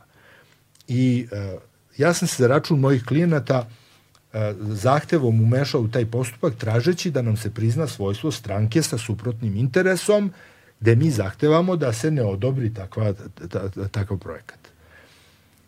E, posle sedam dana je doneto rešenje o građevinskoj dozvoli koj, kojim je odobrena izgradnja te unutrašnje saobraćajnice na rudarskom zemljištu. Ja sam izjavio žalbu, a u žalbenom roku opština Kosjerić je kamenolomu Gradina izdala pečat pravosnažnosti rešenja. Mm. Dakle, ne postoji flagrantni primer zlopotrebe službenog položaja od takvog kada neko izjavi žalbu, a vi u žalbenom roku, ne čekajući da drugostepeni organ odluči o žalbi, izdate potvrdu pravosnažnosti i oni naravno kamenolom dobije i onu potvrdu prijave radova. Jel? Posle dva meseca Ministarstvo saobraćaja i građevinarstva usvoji našu žalbu, usvoji naš zahtev za učešće u, u, u postupku kao stranka i poništi rešenja. Znate zašto je poništeno rešenje? Poništeno je zbog toga što na rudarskom zemljištu se grade rudarski objekti. Nadležnost za izdavanje dozvola na rudarskom zemljištu pripada Ministarstvu rudarstva, a ne opštinskom organu za urbanizam i građevinarstvo. Šta se dalje desilo? Par nedelja nakon što je stiglo um, rešenje Ministarstva građevinarstva i saobraćaja, isti taj organ opštine Kosjerić izda potpuno isto novo rešenje po drugim brojem, uopšte ne konstatujući da postoji ono rešenje Ministarstva o poništaju. Dakle, tu se upornost u izvršenju krivičnog dela zloupotrebe službenog položaja – a, a, vidi kao na dlanu. I šta vi onda možete da pretpostavite? ja mogu kao advokat sa iskustvom i čovek koji ne mogu da kažem da sam lakomislen i da tek tako mogu da donosim neke ne, ovaj, e, odluke i, i da stvaram mišljenja, ja ne mogu da se otmem utisku da je neko dobio pare da nekom završi neki posao. Da. I ako mu ne završi posao, pa zašto da ne? Jel, imamo brojne primere, onda ode glava. I to je, inače zanimljivo je da postoji neka, neka informacija, postoji neka informacija, mislim da bi to i nadležni organi trebali da, da, da istraže, da je suvlasnik te kompanije uh, lice koje je osuđeno nisam siguran, ali postoji jel, lice koje je pre par godina osuđeno za ratne zločine u Bosni. Uh, Tako da je, opet to postavlja se pitanje izvora kapitala, znate. Odakle taj inicijalni da. osnivački bazni kapital za realizaciju ovakvih e, investicija. I tako možemo da nabrajamo koliko god hoćete takvih primera. To što se dešava, recimo, što je ovaj Ratko spomenuo, a vezano je za Žagubicu i za planove kanadske kompanije Danti da izgradi rudnik zlata To je zanimljiva stvar, znate. To je jedno redko naseljeno tamo područje ili nenaseljeno, ali koje iz ugla zaštite prirode uh, ima nemerljivu vrednost. I to ne samo za Srbiju, jel, nego i uopšte za širi region. Tamo je ta kompanija, a kom, rudarske kompanije su vrlo podle, znate, oni uključuju čitave timove psihologa, sociologa, ljudi koji se bave jel, tim stvarima da vide gde i na koji način oni mogu da uđu među lokalno stanovništvo. Da, da. Uopšte, to je uopšte poznata činjenica da su predstavnici Rio Tinta išli na slave u nedeljicama da, godinama, godinama.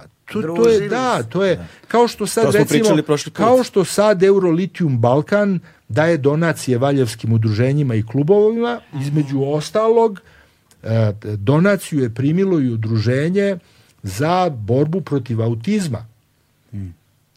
Što je za mene nezamislivo. Jer ako samo začeprkate malo, vi ćete videti da je dokazan primarni faktor rizika nastanka autizma zagađenje vazduha. I onda taj koji prihvati donaciju rudarske kompanije, štiteći prava autistične dece, taj nema pravo da ostane neprozvan u medijskom diskursu. To je užasno. Znate, to kad dajete futbalskom klubu, ovom klubu ili onom klubu, i to je užasno. Ali kada zloupotrebljavate prava dece sa smetnjama u razvoju, onda je to odvratno. E to se recimo dešava u Valjevu. E tako su isto radili tamo i po ovaj u okolini Žagubice i uspeli da u posljednjih desetak godina izbuše 1100 bušotina. Završili primenjena geološka istraživanja, imaju rezervaciju tog istražnog područja i sad su u postupku za dobijanje dozvola za otvaranje rudnika zlata. Rudnik zlata najčešće podrazumeva upotrebnu enormnih količina natrium cijanida. Cijanida za ovaj proces prerade. Međutim, šta je tu sad bitno? Zato sam namerno rekao da tu nema mnogo ljudi, ali ima mnogo prirode. Jel? Tamo postoje podaci o najmanje četiri jedinke risa, mm. koji je e, najprepoznatljiviji simbol zaštite prirode u Evropi trenutno. Mm. Nije vuk, nije medved, jer e, ljudi imaju prilično e, odbojan da. odnos prema, prema tako ali divnim životinjama, jeste, ali ris predstavlja simbol zaštite prirode u Evropi i u svetskim razmerama. Samo sekund, za ljude koje zanima više o risu mogu da poslušaju jednu od naših ranijih epizoda sa profesorom Duškom Čirovićem sa biološkog fakulteta koji je baš govorio o risovima. Da. Zašto je to bitno? Kada imate risa, onda treba da utvrdite koliko imate jedinki mužjaka, jedinki ženki. Jedni imaju areal, recimo, od 50 kvadratnih kilometara, drugi imaju dva, tri puta veći. Ako bi se to dokazalo, onda bismo imali čvrst argument da iz razloga zaštite prirode napadnemo kompaniju Dandi i da sprečimo to što oni nameravaju da naprave jedan ogroman rudnik zlata tamo gde sad trenutno nalazi jedna potpuno netaknuta priroda. mali nastavak e, Sretanove priče. Prisustvo risa je samo pokazatelj bogatstva biodiverziteta. Dakle, ris i njegovo prisustvo govore o tome da je tamo biodiverzitet jako bogat, da je priroda netaknuta i samo u tim uslovima je moguć opstanak populacije risa. E sad, planirani rudnik Potečuka Tisnica na području opštine Žagubice i delom na području opštine Majdanpek je paradigma javne gluposti, odnosno pokazna vežba kako strane privatne rudarske kompanije verujem jedino koruptivnim metodama uz korišćenje prilagođenog zakonodavstva dođu do faze da sad rade prostorni plan područja posebne namene za eksploataciju zlata na tom području koje zahvata inače više od 50 km kvadratnih. A šta je dokaz o javnoj gluposti? To je sledeća činjenica. Da biste tamo došli do zlata, prvo treba da iskopate 50 miliona metara kubnih zemlje, to se u rudarstvu kaže otkrivka. Ispod tih 50 miliona metara kubnih koje negde morate da sklonite, vam je ležište u kome je 20 miliona metara kubnih. I tu imate zlato u količini od 0,9 grama po jednom metru kubnom. Dakle, tamo je perspektivno moguće izvaditi nekih 19 tona zlata.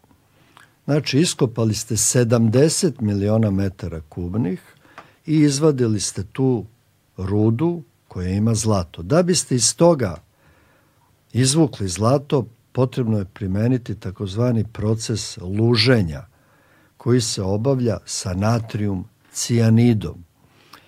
I neko će jednog dana da izvuče 19 tona zlata, koje, čini mi se, po nekim berzanskim cenama, kada smo to gledali, vredi oko 900 miliona dolara. Znači, 900 miliona dolara.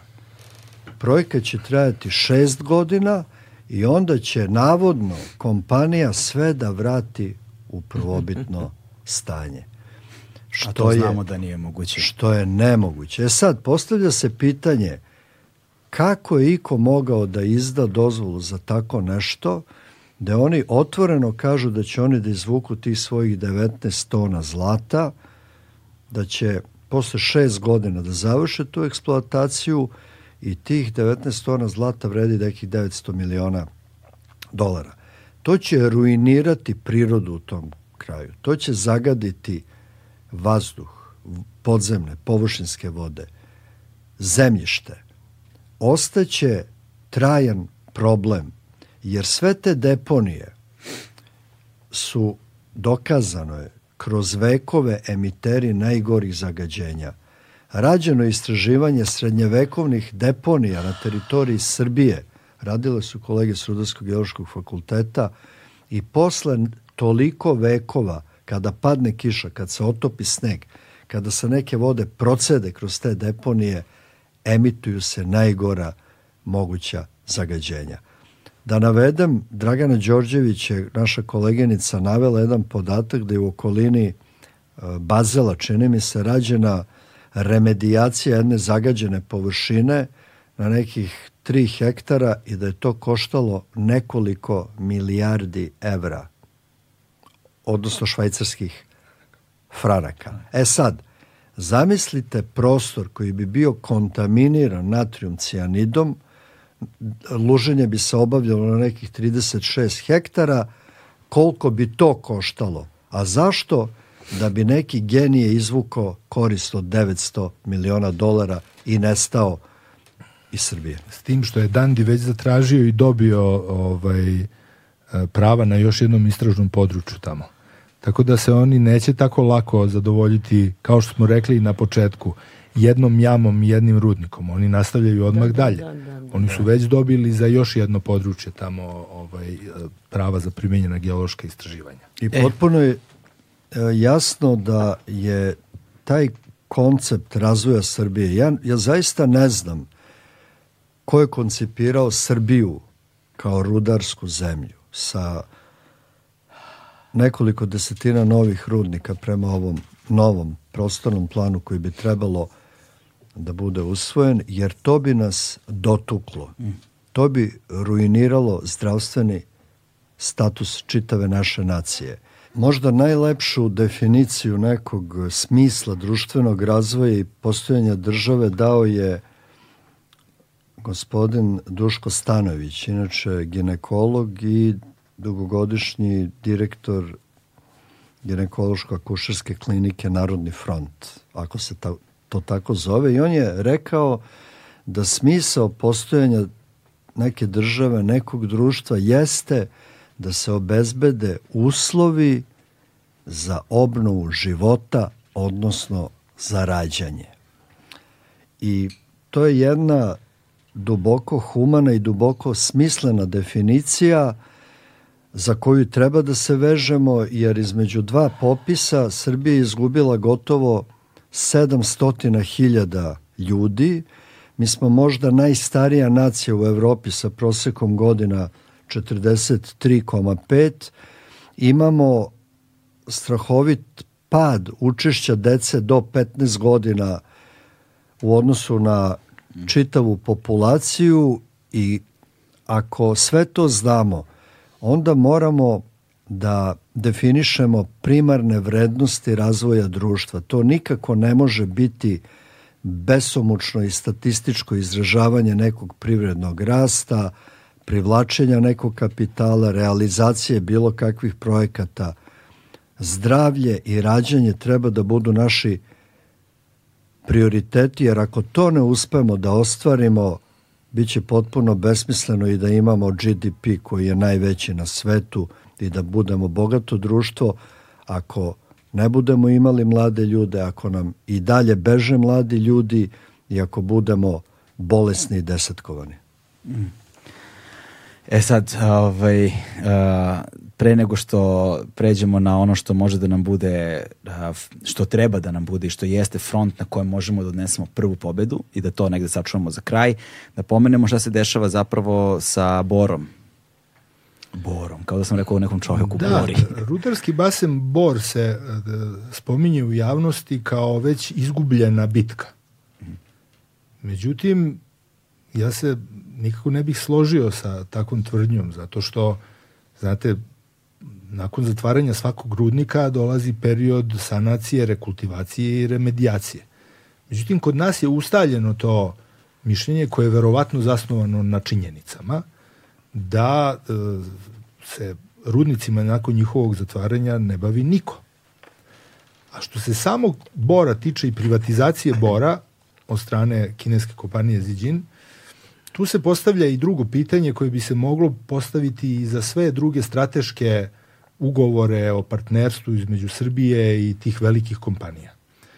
Dakle, nije problem samo u postojećem zakonskom okviru. Nije problem ni u nepoštovanju zakona, naravno problem je, ali postoji još jedan nivo problema, a to su sadržine strateških bilateralnih ugovora između Republike Srbije i velikih multinacionalnih kompanija. Kad je Bor u pitanju, ja imam, imao sam prilike, imam prilike da analiziram taj memorandum, ovaj, odnosno ugovor o prodaji uh, Bora, tu postoji jedan broj odredbi koje su nezamislive u postojećem pravnom okviru i koje se prema po zakonu, jel, i u teoriji i u praksi smatraju zapravo odredbama ugovora koje su suprotne pravnom poredku. Recimo, Tu postoje članovi uh, ugovora koji potpuno aboliraju kineskog partnera od bilo kakve odgovornosti za štetu uh, prema životnoj sredini i štetu generalno prema građanima. Sa druge strane, postoje odredbe koje kažu da se od kompanije ne očekuje bilo kakvo ulaganje u zaštitu životne sredine, što znači da oni formalno nemaju pravo, obavezu da ulože jedan jedini dolar u zaštitu životne sredine a, a, ovaj, u okviru svog poslovanja. Postoje odredbe koje govore o tome da za slučaj a, podnošenja tužbe protiv kompanije, da je kompanija dužna da u određenom roku o tome obavesti Republiku Srbiju, da Republika Srbija preuzima odgovornost za odbranu interesa kompanije protiv trećih lica, dakle građana Srbije u konkretnom slučaju, i što je najzanimljivije da se dokumentacija vezana za te štetne događaje, odnosno postupke koji se vode protiv kompanije, smatra poslovnom tajnom. Pa čemu služi da nama država? dakle, to su sve uh, ovaj, odredbe koje, se, koje su suprotne Ustavu Republike Srbije, koje se zapravo prema nekim izričitim odredbama naših zakona smatraju apsolutno nepostojećim, ništavim, zato što su suprotne pravnom poredku.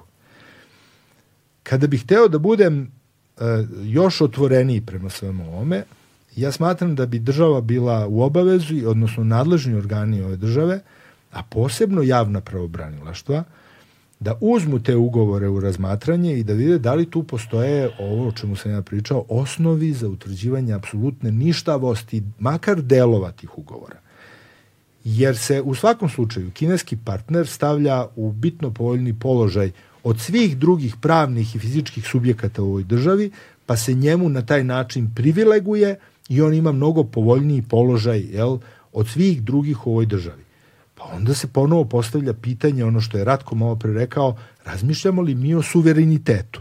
O suverenitetu države i ko je to nosilac suvereniteta? Ako je narod, odnosno građani nosilac suvereniteta, onda je naš suverenitet na ovaj način bitno ugrožen i umanjen. I zbog toga bi o tome takođe trebalo voditi računa, jer nije to samo taj ugovor. Gotovo identične odredbe se nalaze i u ugovoru prodaji Smedereva. A ne znam tačno, verovatno neko zna kakve se odredbe nalaze u ugovoru, recimo tamo u Zrenjaninu gde se gradi fabrika Linglong. Dakle, to su stvari koje bespovratno mogu da ruiniraju pre svega našu pravnu sigurnost, da sa druge strane utiču na ruiniranje tog načela pravne sigurnosti i vladavine prava u Republici Srbiji, jer se pravni subjekti drugih država stavljaju bitno povoljni položaj u odnosu na domaće. Poseban problem je kada to ima pogubne uticaje na životnu sredinu, time i na zdravlje i na život ljudi. I za sam kraj, ovaj, mislim, ne znam ni kako da prokomentarišem ovo, pa samo prelazim na sledeću temu, jer mislim da, da je svaki komentar zaista suvišan. Ovaj, da je ljudima koji slušaju to je gledaju to apsolutno jasno. Ali ono što mi je baš važno da napomenemo, to nešto čemu smo mi razgovarali i mi smo takođe razgovarali Svetlana kada smo se videli, a to je da mi imamo jedan jedan veoma čudan i sa tobom sam razgovarao između ostalog, imamo, imamo jedan veoma jednu veoma čudnu polarizaciju generacijsku gde s jedne strane imamo starije generacije, srednjih i starijih eh, jel te, godina koji imaju to duboko korenjeno poverenje prema državi iz starijih sistema u kojima smo ovaj, živeli. I s druge strane imamo mlađe generacije koji imaju potpuno, apsolutno nepoverenje u bilo šta državno, ko, što nužno ne, ne gaje, što znači da ne gaje nikakvu nadu, što dalje širi taj defetizam. I onda te, te, ta dva generacijska pola zapravo vuku na suprotne strane i, i, i komadaju tako da ne ostaje nikakvog prostora za nekakvu nadu, ali zaista pravu iskrenu nadu. Ne onu neku kolokvijalnu kao, e, ajde da kao završimo na veseli način, nego nešto što zaista ima realnu mogućnost i na što treba obratiti posebnu pažnju jer ukoliko taj front dobijemo to je realna šansa dakle za, za, za, za dobijanje borbe kada je u pitanju zaštita životne sredine.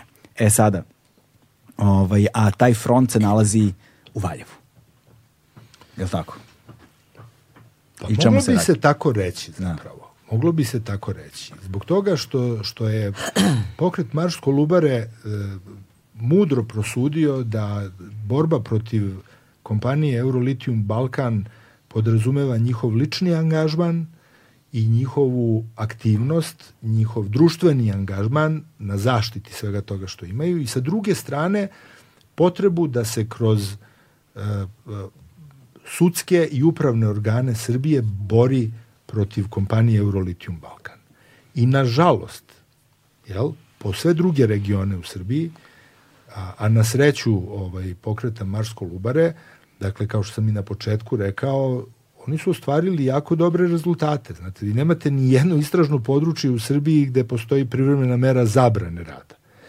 Vi nemate, koliko ja znam, a sigurno bi se pročulo, ne postoji ni jedno drugo područje u Srbiji gde je Ministarstvo poljoprivrede odradilo svoj posao, pa donelo rešenja o zabrani rada zbog toga što se krše zakoni o poljoprivrednom zemljištu.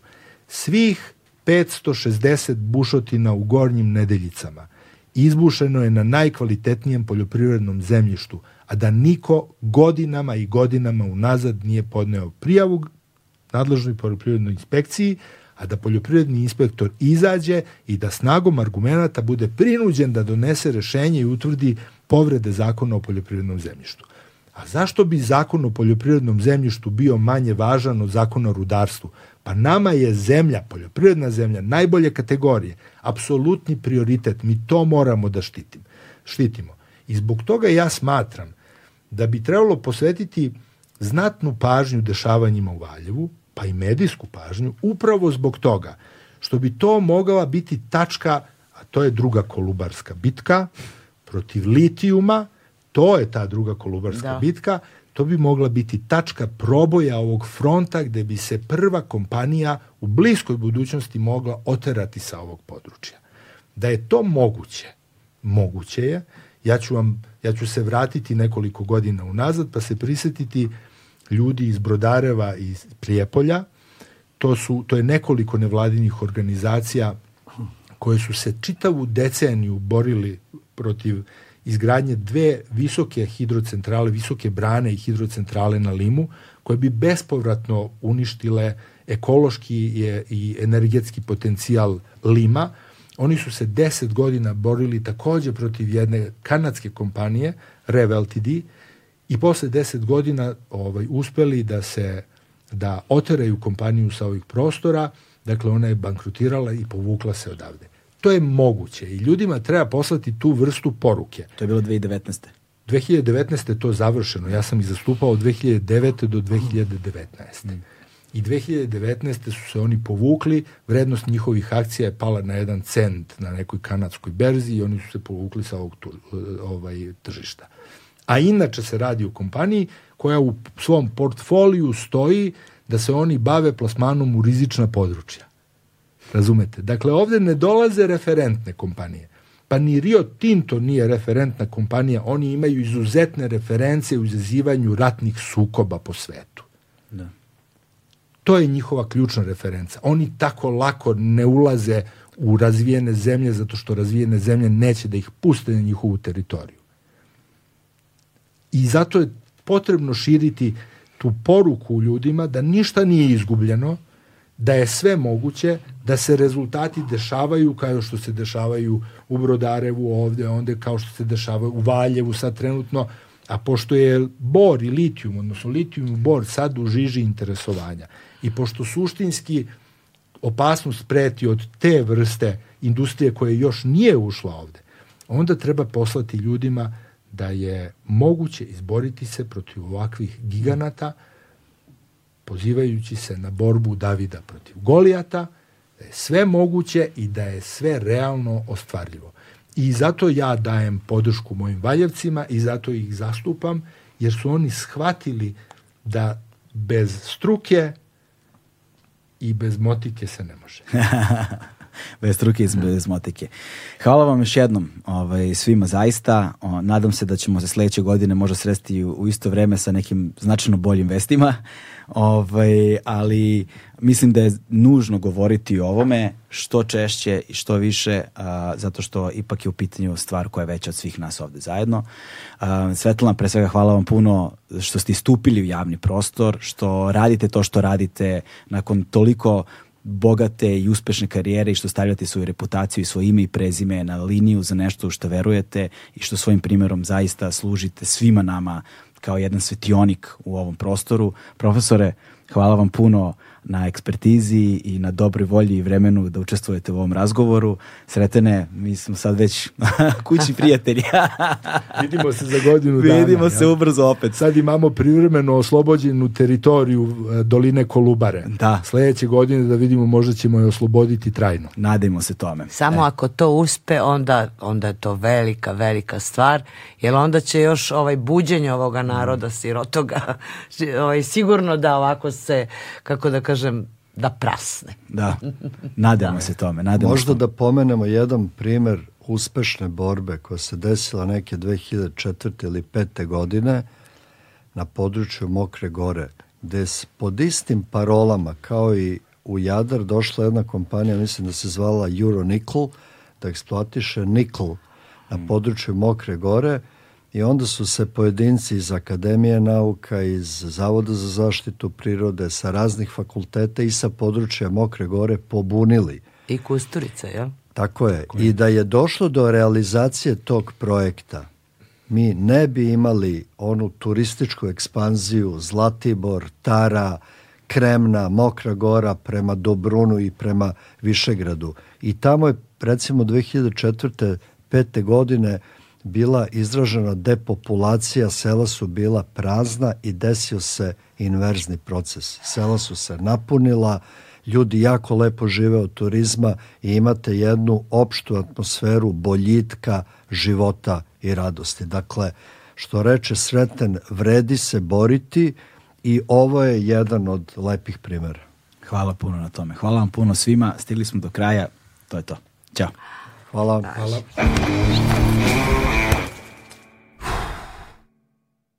嗯。